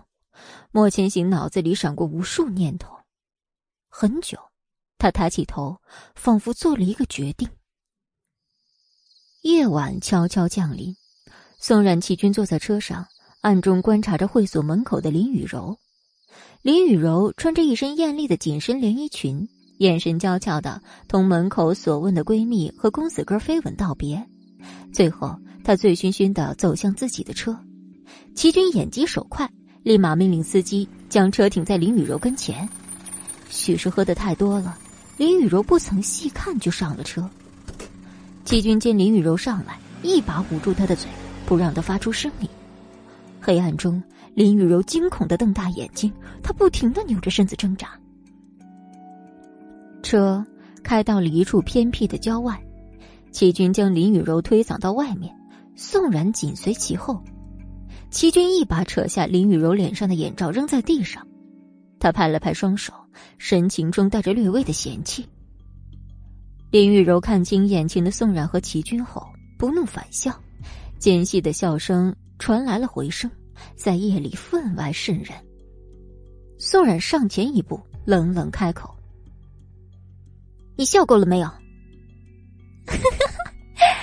宋然，你不要嚣张。马上你就大祸临头了！林雨柔说完这句话，又吃点了一般的大笑起来。齐军缓缓蹲下身子，用力捏住林雨柔的下巴，恶狠狠的说道：“这么说来，这件事的幕后主使是你喽？是又怎么样？反正你们俩笑不过明天。”林雨柔用力的一甩头。趾高气扬的样子令宋冉直犯恶心。你就那么确定？当然确定啊！是我联系的齐董事长，我告诉他我可以拿到莫氏的产品设计图，是我安排人在莫家门口乞讨，栽赃给你宋冉。你能把我怎么样？哼！而且你等着吧，宋冉，莫千行很快就要放弃你了。林雨柔，我真是看错你了。我以为至少你对莫千行的爱是真的，没想到你为了陷害我，竟然弃莫氏集团于不顾。宋冉看着林雨柔骄傲的神情，为她感到可悲。爱一个人爱到这样，简直走火入魔，能不可悲吗？哈哈哈哈！那又怎么样？只要能得到千行，我做什么都是值得的。要不是因为你，千行的早就是我的了，早就是我的，你懂吗？所以，你该死。OK。一直蹲在林雨柔身边的齐军突然起身，向林雨柔挥了挥手中的录音笔。林雨柔脸色大变，她愤怒的冲着宋冉跟齐军喊道：“贱人，你们两个卑鄙的贱人，你们不得好死！”卑鄙。这是你的代名词。齐军将录音笔高高抛起，又稳稳接住。他蔑视的看了林雨柔一眼。林雨柔咬牙切齿的看着宋冉，眼里散着寒光。突然，林雨柔起身，用身体重重撞击一下宋冉。宋冉猝不及防的向身后倒去，而身后是一片断崖。宋冉猛地闭上眼睛，死死咬住了唇。齐军身体向前一扑，抓住宋冉的一只手，宋冉整个身子悬在了崖边。身后的司机听见声响，赶紧跑过来帮忙拉住宋冉，眼看着就要把宋冉拉上来，背后却又响起了汽车的鸣笛声。齐军往后看一眼，眼神骤然变得震惊，是林家的人找来了。林雨柔见状，得意的笑起来。就算录音了又如何？他家里人来了，那录音还不是得落到他手里？宋冉见情况不妙，试图劝齐军松手。你放开我，保住录音笔！不可能！齐军叫司机控制住林雨柔，自己继续把宋冉拉上来。眼看着林家的人越逼越近，甚至林朗成也从车上下来，宋然心一横，用力挣脱开齐军的手。宋然，齐军的声音响彻山谷。司机拿着匕首抵在林雨柔的脖子上，和林家人对峙着。齐军趴在崖边许久许久，直到司机丢下林雨柔上前叫他，他才从地上爬了起来。林雨柔挣脱开控制，立马向前跑。林朗成张手抱住他的宝贝女儿，林雨柔娇弱可怜的哭诉一番，指着齐军说道：“爸爸，就是他，和宋冉那个小贱人想要害女儿。”林朗成拍拍女儿的背，以示安抚。他眼神盯着不远处的齐军看，镜片后面发出幽幽寒光，而齐军同样眼神冰冷的看着对面的林朗成，胸口剧烈的起伏着。许久，林朗成的目光移到齐军手中的录音笔上，他开口道：“齐少爷，你把你手中的东西给我，我当做你今天没在这里看见你，如何呀？”齐军拳头越握越紧，长指甲掐进肉里，渗出血来。做梦！齐军说完这句话，他按下手机的发送键，转身想要跳入山崖。旁边的司机似早已预料一般，用身子摁住齐军，又从口袋里掏出一支针管，扎进齐军的手臂。齐军瞳孔放大，又缓缓的闭上眼睛，昏睡过去。司机从齐军手里拿过录音笔。恭敬的交到林朗成手里。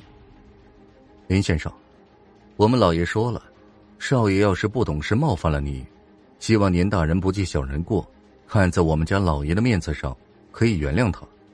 这是自然。爸，你就这么轻易放过他们呢？你自己犯下的事儿，却要我来给你擦屁股，如此不顾大局，以后公司还指望得上你吗？林朗成低声呵斥了林雨柔一番，转身上了车。林雨柔回头望着那片悬崖，哼，宋然，要怪，就怪你缠着千行不放。你死了是你活该，可别怪我。司机将齐军扛起放在车上，车子也扬长而去。天空忽然雷声轰隆作响，下起大雨。雨水将一切痕迹都冲刷干净，这里仿佛什么都没发生过一般。可以想象得到，雨后天晴之后又是一片美景。然而，没有人知道，悬崖下面掉下去了一个人。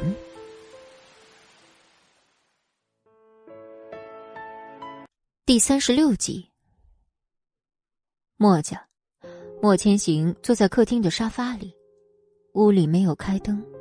他双手扶着额头，样子看起来有些落寞。又是齐军，能开着直升飞机把宋冉带走的，无疑只有齐军。只是宋冉已经消失十几个小时了，他派出去寻找的人依旧毫无所获。齐军连带着宋冉一起消失了。齐家也在寻找他们家的大少爷。莫千行心里的怒火开始慢慢熄灭，转为隐隐不安。这几年，为了使莫氏集团迅速成长，他手段狠辣，树敌无数。若是这时被有心之人钻了空子，伤害到了宋冉，莫千行豁然起身，他顾不得公司了。宋冉纵有万般不是，他也不容许除了自己以外的人伤害他。齐军这个病秧子是靠不住的。莫千行想到这儿，三步并作两步朝门外走去。他心里焦急似火，以至于出门的时候完全没有注意到，开着的电脑叮的一声传来一封邮件。外面瓢泼大雨，狂风把街上的门牌吹得破的破、掉的掉。积满雨水的大街上，交通堵塞，车子排起了长长的队伍。莫千行也被堵在其中，旁边的应急车道，不是救护车和警车呼啸而过。莫千行的心揪了起来，每一辆救护车里装着的都有可能是宋然。过了二十分钟，车子依然没有前进半步，车窗外都是司机骂骂咧咧的声音。莫千行思忖片刻。一把推开车门，前排保镖见状急忙下车，撑开伞要为莫千行遮雨。打电话给陈警官，叫他十分钟之内来莫家。好的，莫总。莫千行扶开保镖的伞，兀自向前走去。车子开出莫家不过一公里，莫千行又折回了莫家。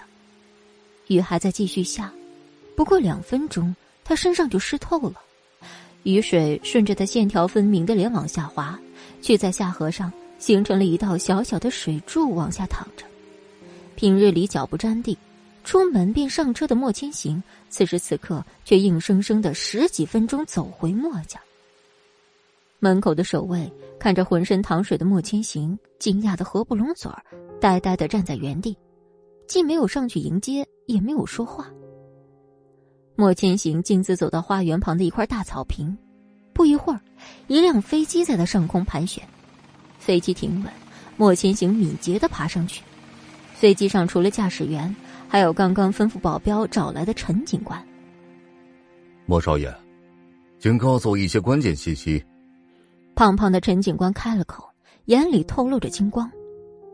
他的追踪器信号一个小时前消失在高速路口，和齐军一起消失的，车牌号是三三三二九。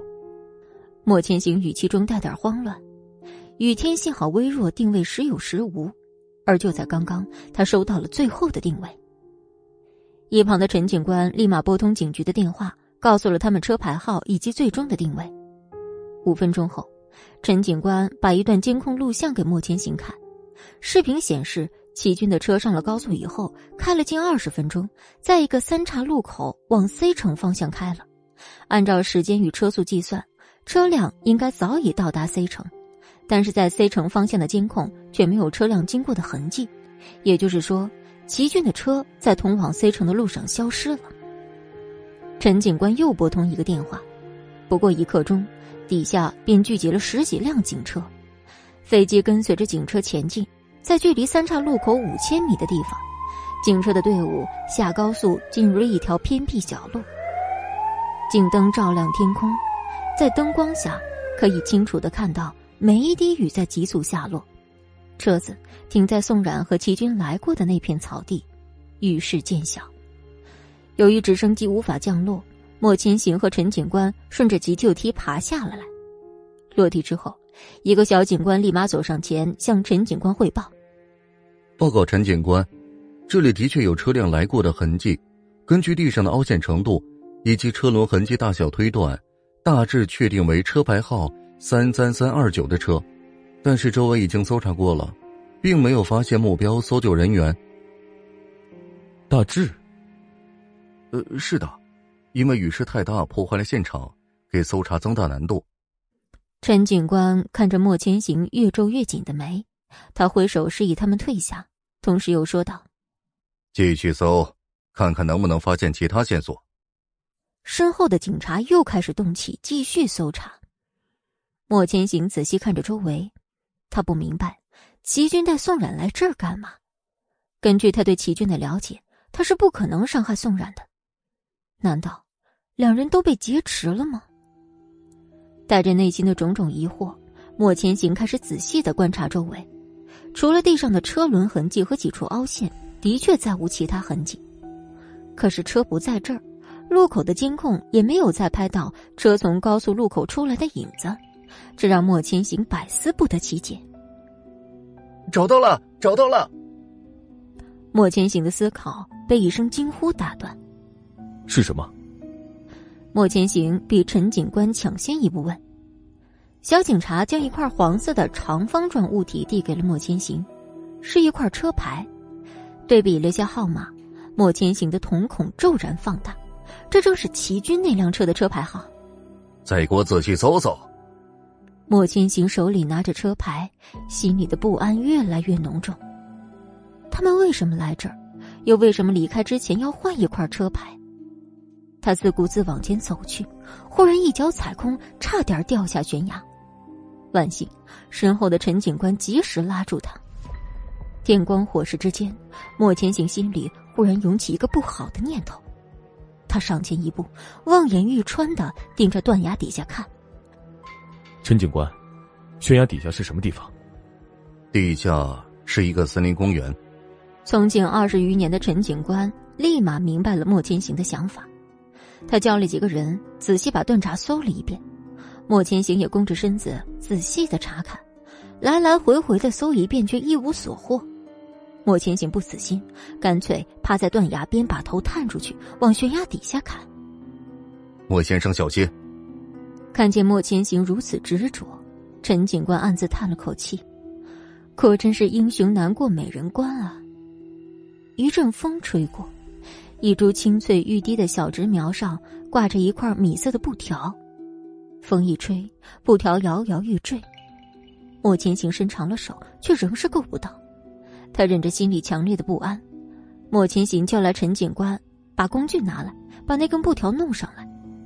借助工具，布条很快被勾了上来。莫千行的手指颤抖的接过，他目不转睛的看着手里那抹米色。这是宋冉裙子上的布料，莫千行觉得，自己心里仿佛某个地方塌陷了。他捂着胸口蹲在地上。莫先生，莫先生。莫千行耳内嗡嗡作响，仿佛与外界竖起一道屏障，听不见任何声音。第三十七集。第二天早晨，暮云来到莫家。他站在大门口，焦急的拨打莫千行的电话。今天就是公司的新品发布日期了，可是莫千行从昨晚就开始消失，联系不上莫千行。公司里几个老家伙不停的逼问着莫云，他是不是跑路了？莫云一再保证莫千行不会做这种事儿，他们还是咄咄逼人。莫云好不容易从他们的魔爪中逃脱出来找莫千行，可是电话关机，莫家不让进。慕云急得直跺脚，现在已经是一点了。如果中午十二点莫千行还不出现，他就只能擅作主张，把宋冉与齐家勾结的那段录像放出来，还莫氏集团一个清白。屋子里，莫千行呆呆的坐在宋冉房间的沙发上，不发一语。房间里窗户紧闭，拉上了窗帘静息无声。昏暗的光线。显得整个房间死气沉沉。不过隔了一夜，莫千行却变得胡子拉碴，眼神呆滞。他整个身子都陷在沙发里，手上紧握着昨晚在悬崖下面捡来的米色布条，眼神盯着布条不放，另一只手不停的翻转手机，似乎在等着谁的电话。电话响起，莫千行迅速接起手机，又犹豫着缓缓放下。手机嗡嗡作响的声音，在静谧的房间里显得有点诡异。良久，在电话挂掉之前，莫千行终于摁下了接听键。喂，电话另一端是陈警官。呃，莫先生，有一个坏消息和好好消息。好消息是宋小姐可能还活着，坏消息是，我们没有在断崖底下找到她。啪的一声，莫千行挂掉了电话，握紧布条的手微微颤抖。没有找到，那就说明还有活着的可能。莫千行弓着背，双手紧握抵在额头上，他大拇指抵着嘴唇，喃喃自语，似乎在祈祷着什么。手机又响了起来，莫千行看见来电，迟疑了一会儿，才缓缓接起。电话里，慕云急切的声音响起：“总裁。”你快打开电视！什么事啊？齐氏承认剽窃了。暮云在电话那头急声说道。莫先行漫不经心的打开电脑，跳到了本地电视台。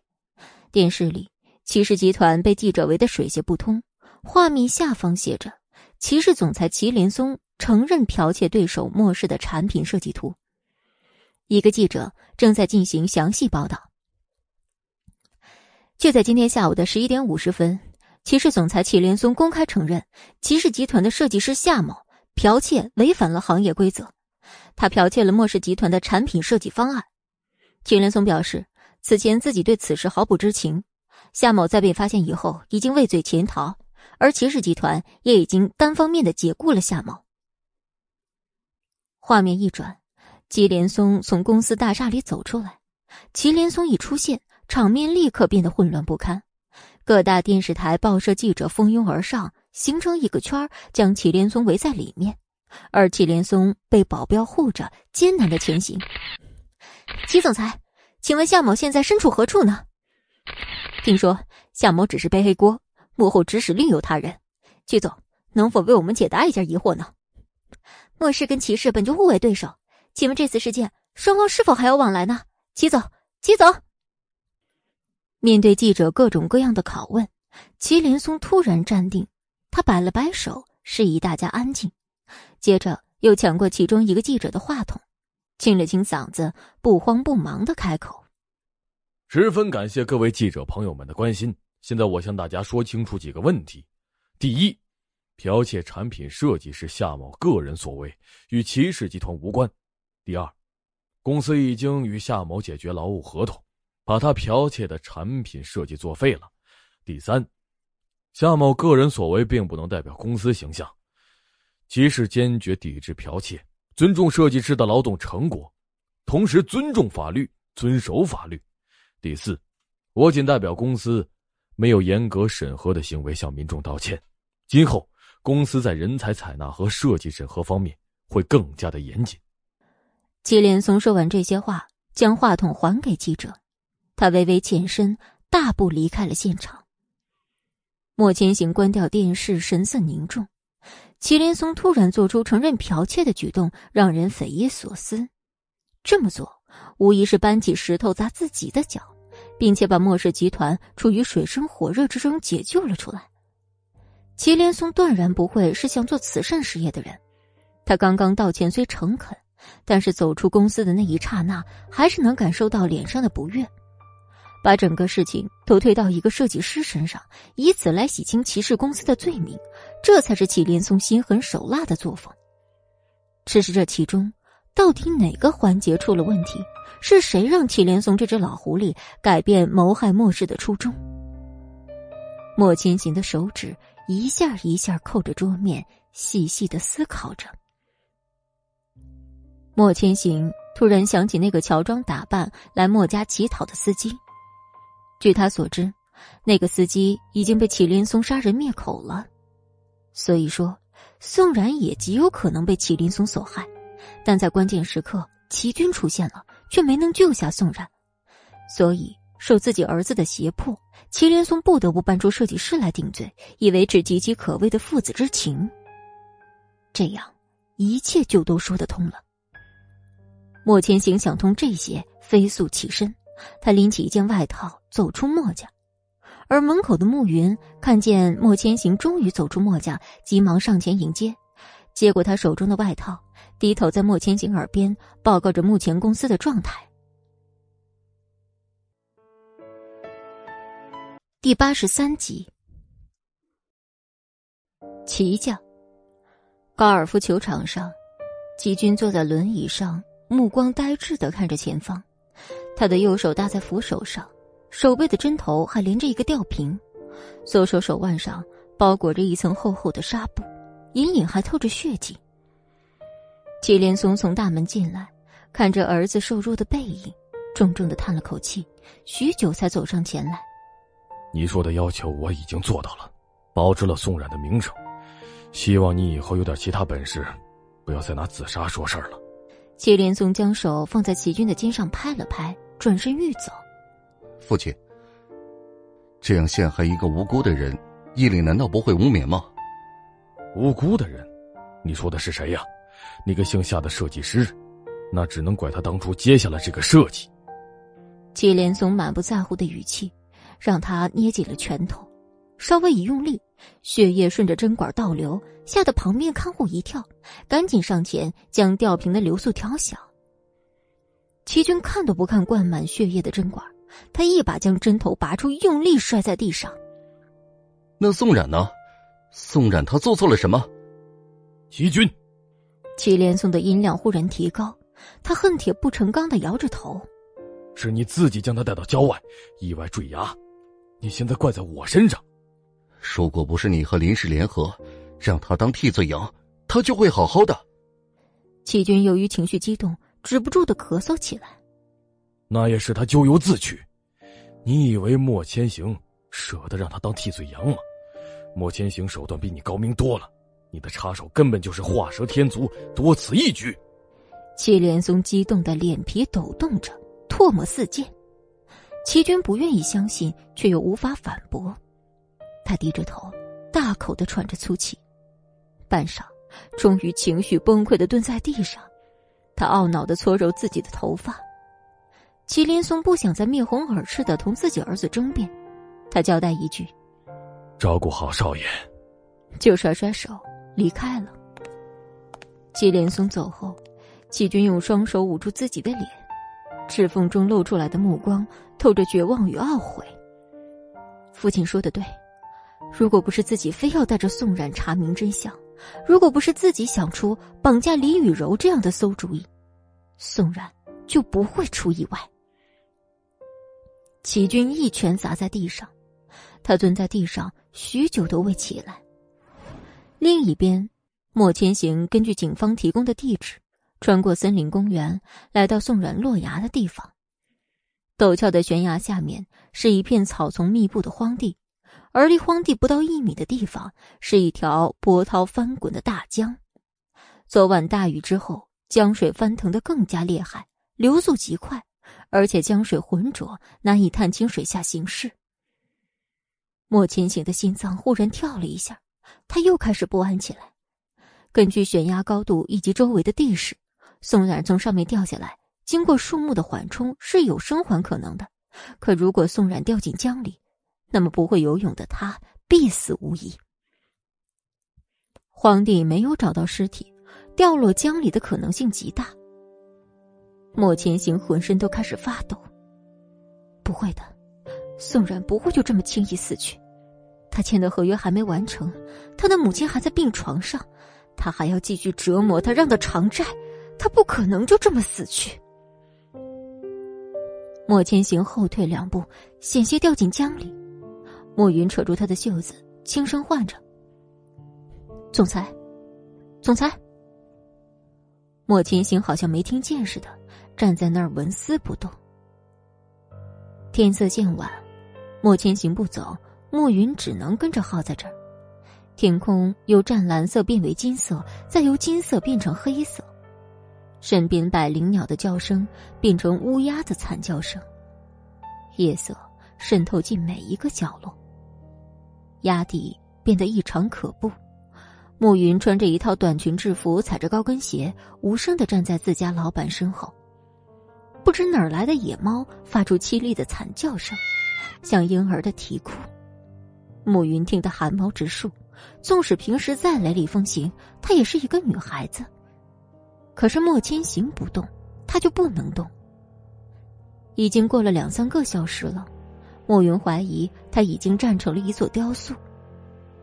高跟鞋陷在湿润的泥地里，脚又酸又痛，腿上、胳膊上都被蚊子叮得又红又痒。就在暮云快坚持不住想开口叫他的时候，莫千行自己忽然僵硬的转身，吐出两个字：“走吧。”声音。极度的低沉嘶哑，暮云如获大赦，亦步亦趋的跟在莫千行后面出了公园，折腾到深夜十一点，暮云才把莫千行送回了莫家。房间里，莫千行依旧把自己锁在宋冉的屋里，不吃不喝。王妈每天苦口婆心的劝他看开，他不理不睬。整个房间除了一开始的昏暗阴沉，还丢了一地的烟头。莫千行满脸胡渣，一支燃严尽，又一支点上，身上落满了烟灰，房间里弥漫的烟雾让人仿佛在一片迷雾森林。莫千行在等，等一个让他彻底死心的答案，等着被人宣布宋然死了。可是他又宁愿没有他的消息，也不想得到这个答案。烟一支一支的点，莫千行躲在房间里，任谁劝也没有用。三天后，陈警官脚步沉重的踏入墨家，在王妈的带领下来到宋冉的房间。哎呀，警官，你劝劝他吧，我们家少爷把自己关在里面，不吃不喝三天三夜了，这要是只猫头鹰也该熬哭了。王妈语气焦急，一边说还一边跺脚。别急，我今天一定。门吱呀一声开了，莫千行伫立在门口，眼神紧盯着陈警官不放。陈警官被莫千行颓废的样子吓了一跳，胡子拉碴，双眼布满血丝，他的脸上了无生气。这样的莫千行，他第一次见。对上莫千行的眼神，陈警官隐约从他眼中看到对自己寄托的希冀。陈警官有些不忍开口。但总归要说的，他低着头躲避莫千行的目光。陈警官咬牙说道：“宋冉没了。”门啪的一声关上了，莫千行踉踉跄跄跌回房间，满眼的难以接受。早就预想过这个结果，可是真的被确定的时候，莫千行还是不能接受。他不能接受宋冉就这样没了。他捂着胸口。挨着门蹲在地上，久久没能站起来。唉，去见见他最后一面吧。陈警官在外面叹气。过了一会儿，门又开了，莫千行立在门口，一言不发。陈警官明白他的意思，自顾自的往前走，带莫千行去见宋冉最后一面。医院里，盖着白布的尸体散发着恶臭。微露出来的一根手指已经被泡得肿胀。我们是在距离落崖地点两千米远的岸边发现他的，面部已经在落崖的过程中摔得模糊，可是根据 DNA 报告显示，确实是他。莫千行不说话，他手微微颤抖的想要掀开白布，可在半空又停下了，然后无力垂下。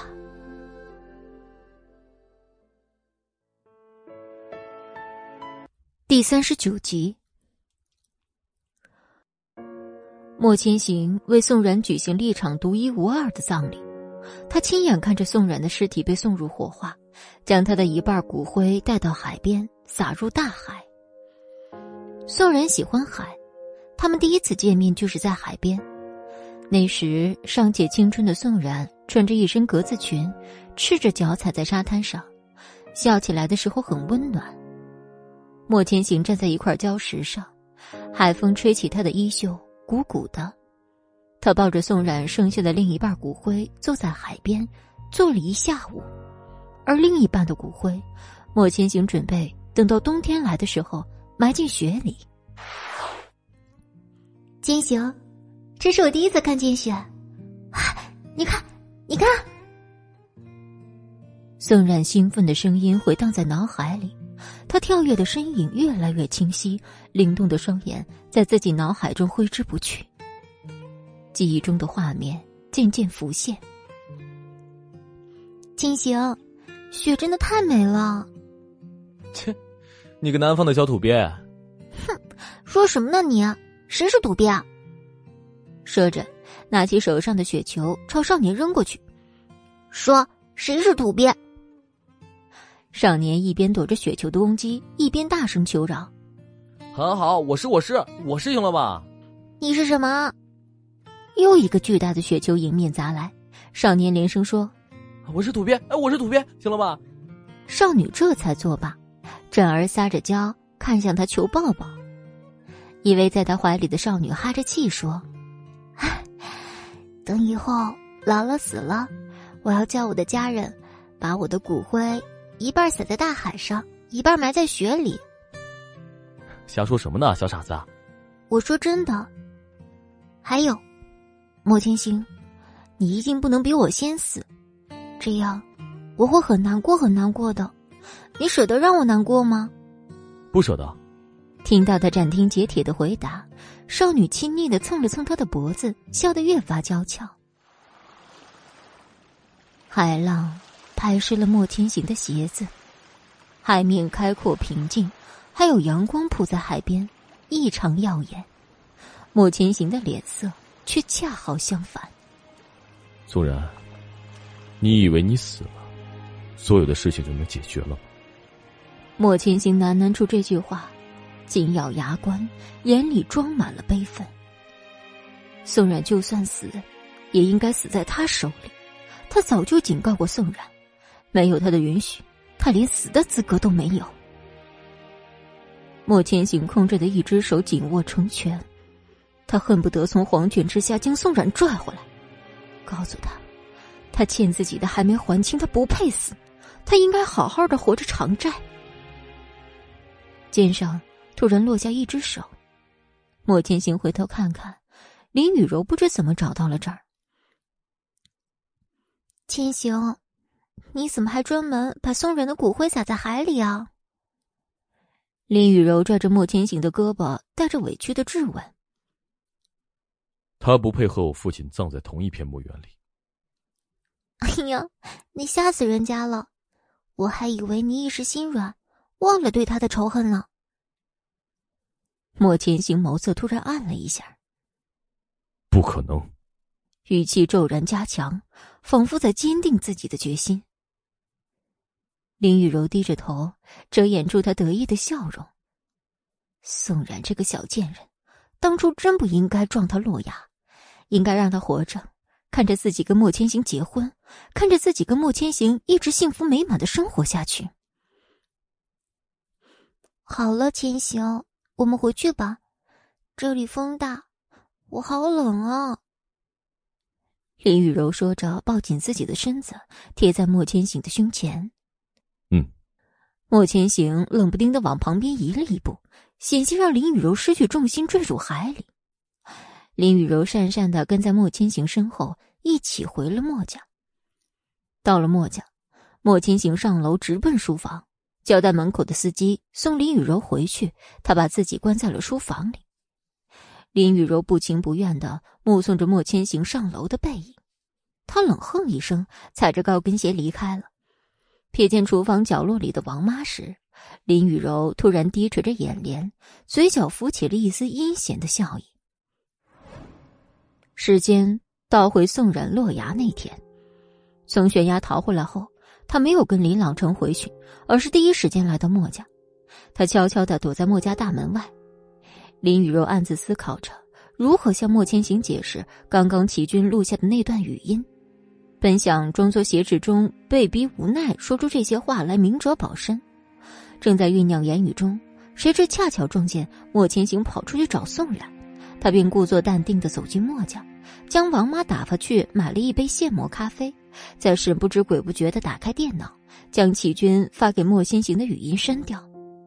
后来，莫千行误会是齐军的父亲杀人灭口下的手，这更中了林雨柔下怀。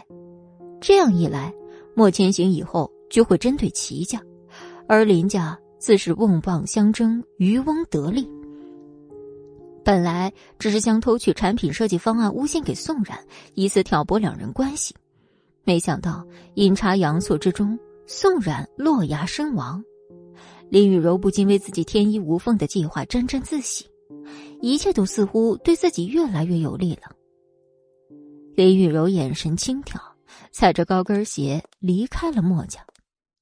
而齐家，齐军听说莫千行颓废之状后，眼里浮现了一丝喜意。在齐连松离开后，齐军接到一个电话。立马从轮椅上站起来，欣喜若狂的跑出家门。电话是他从国外带回来的搜救队打来的。电话里用生硬的中文讲道：“齐先生，找到了，宋冉没死。齐军的专业搜救队找到了落在荒地上、浑身是伤、奄奄一息的宋冉，命人将宋冉安置在自家私立医院。齐军马不停蹄的赶过去，到了医院。”宋冉已经在手术中了。坠落过程中，被悬崖上伸出的树枝不断缓冲，最终落在地上的时候偏离了预计的落地范围，并且被杂草掩盖，所以警察那边一直没有发现。手术进行了整整八个小时，宋冉才捡回了一条命，虽保住了性命，可医生说宋冉全身上下有十几处骨折，内脏也有不同程度的损伤。万幸是，大概因为受过训练的缘故，宋冉在下令过程中护住自己的头部，只是脖子被刮出一个口子，所幸并未伤及大动脉。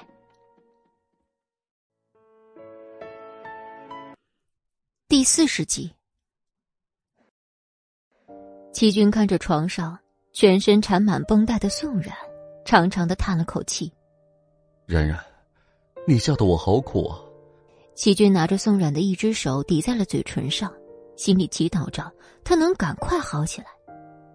齐军住在医院，每天亲自照顾宋冉，心思周到的齐军又想到莫千行没那么容易放弃寻找宋冉，所以派人处理好了现场，要想办法打消莫千行的疑虑。让他以为宋冉真的死了，这可不是一件容易的事儿。齐军花费好大一份功夫，才买通尸检人员，将宋冉的一缕头发送过去，提取到了宋冉的 DNA。至于那具出现在河边的尸体，也是齐军费尽心思安排人从火葬场运出来，丢在下游的，为了是不让莫千行怀疑。齐军也顾不得道德不道德这回事儿了。十天后。宋冉终于醒了过来。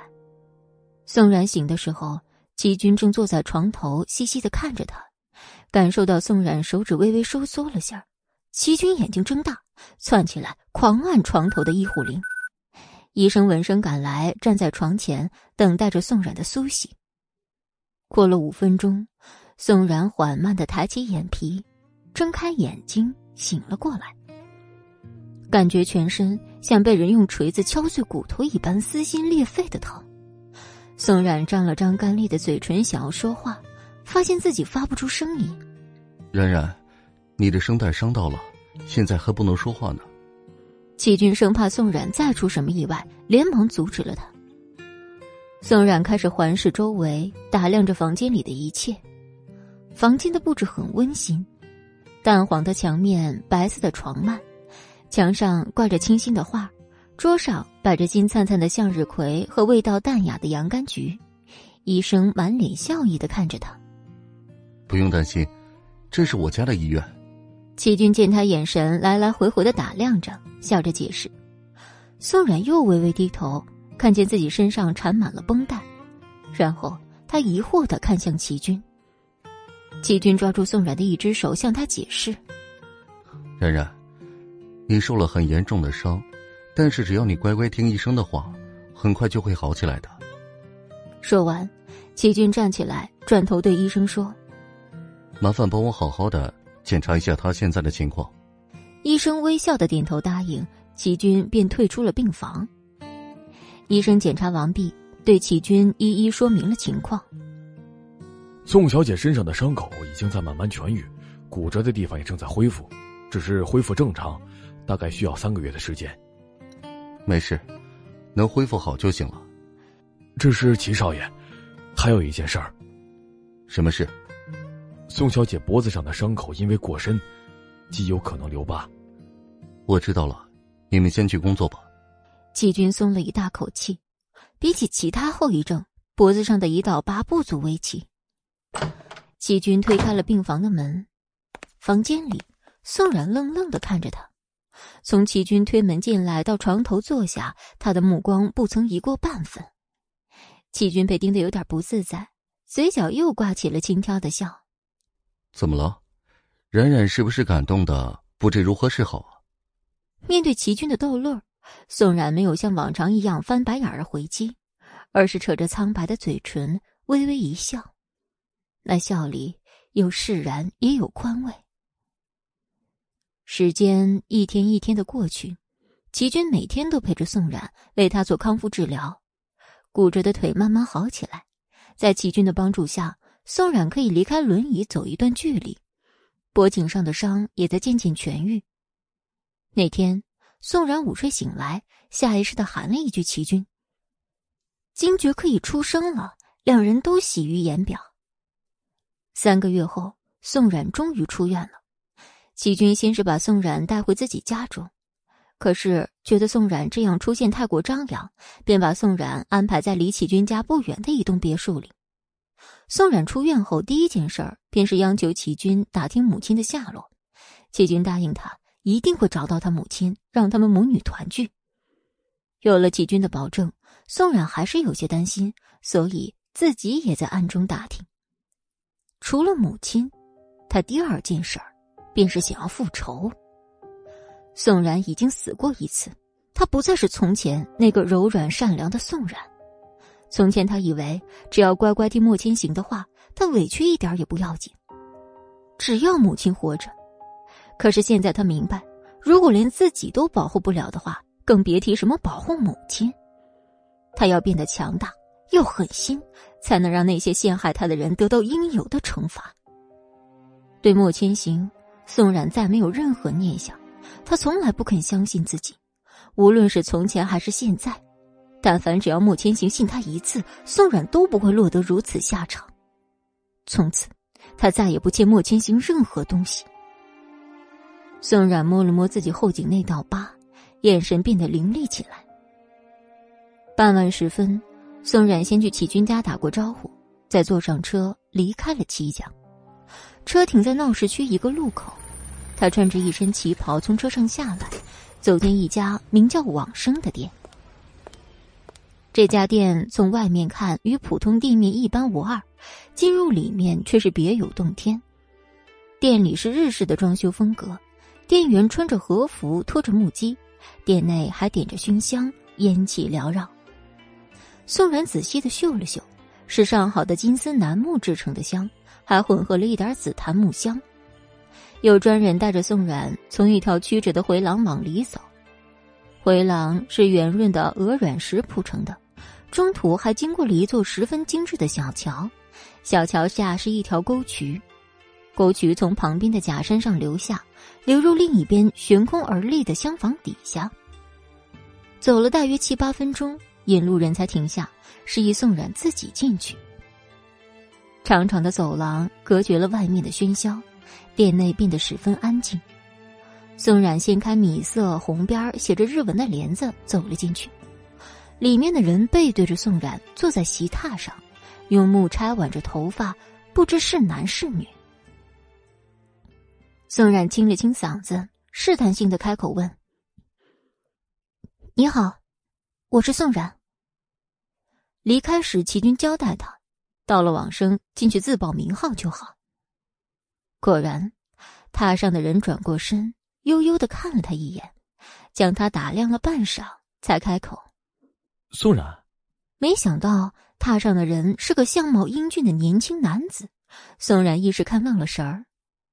男子淡淡一笑，宋冉这才惊觉失礼，他点点头，嗯了一声：“齐军叫你来的。”“嗯。”“好。”你可以叫我星云。男子拂袖站起，走到一扇门前，向宋冉做出一个请的手势。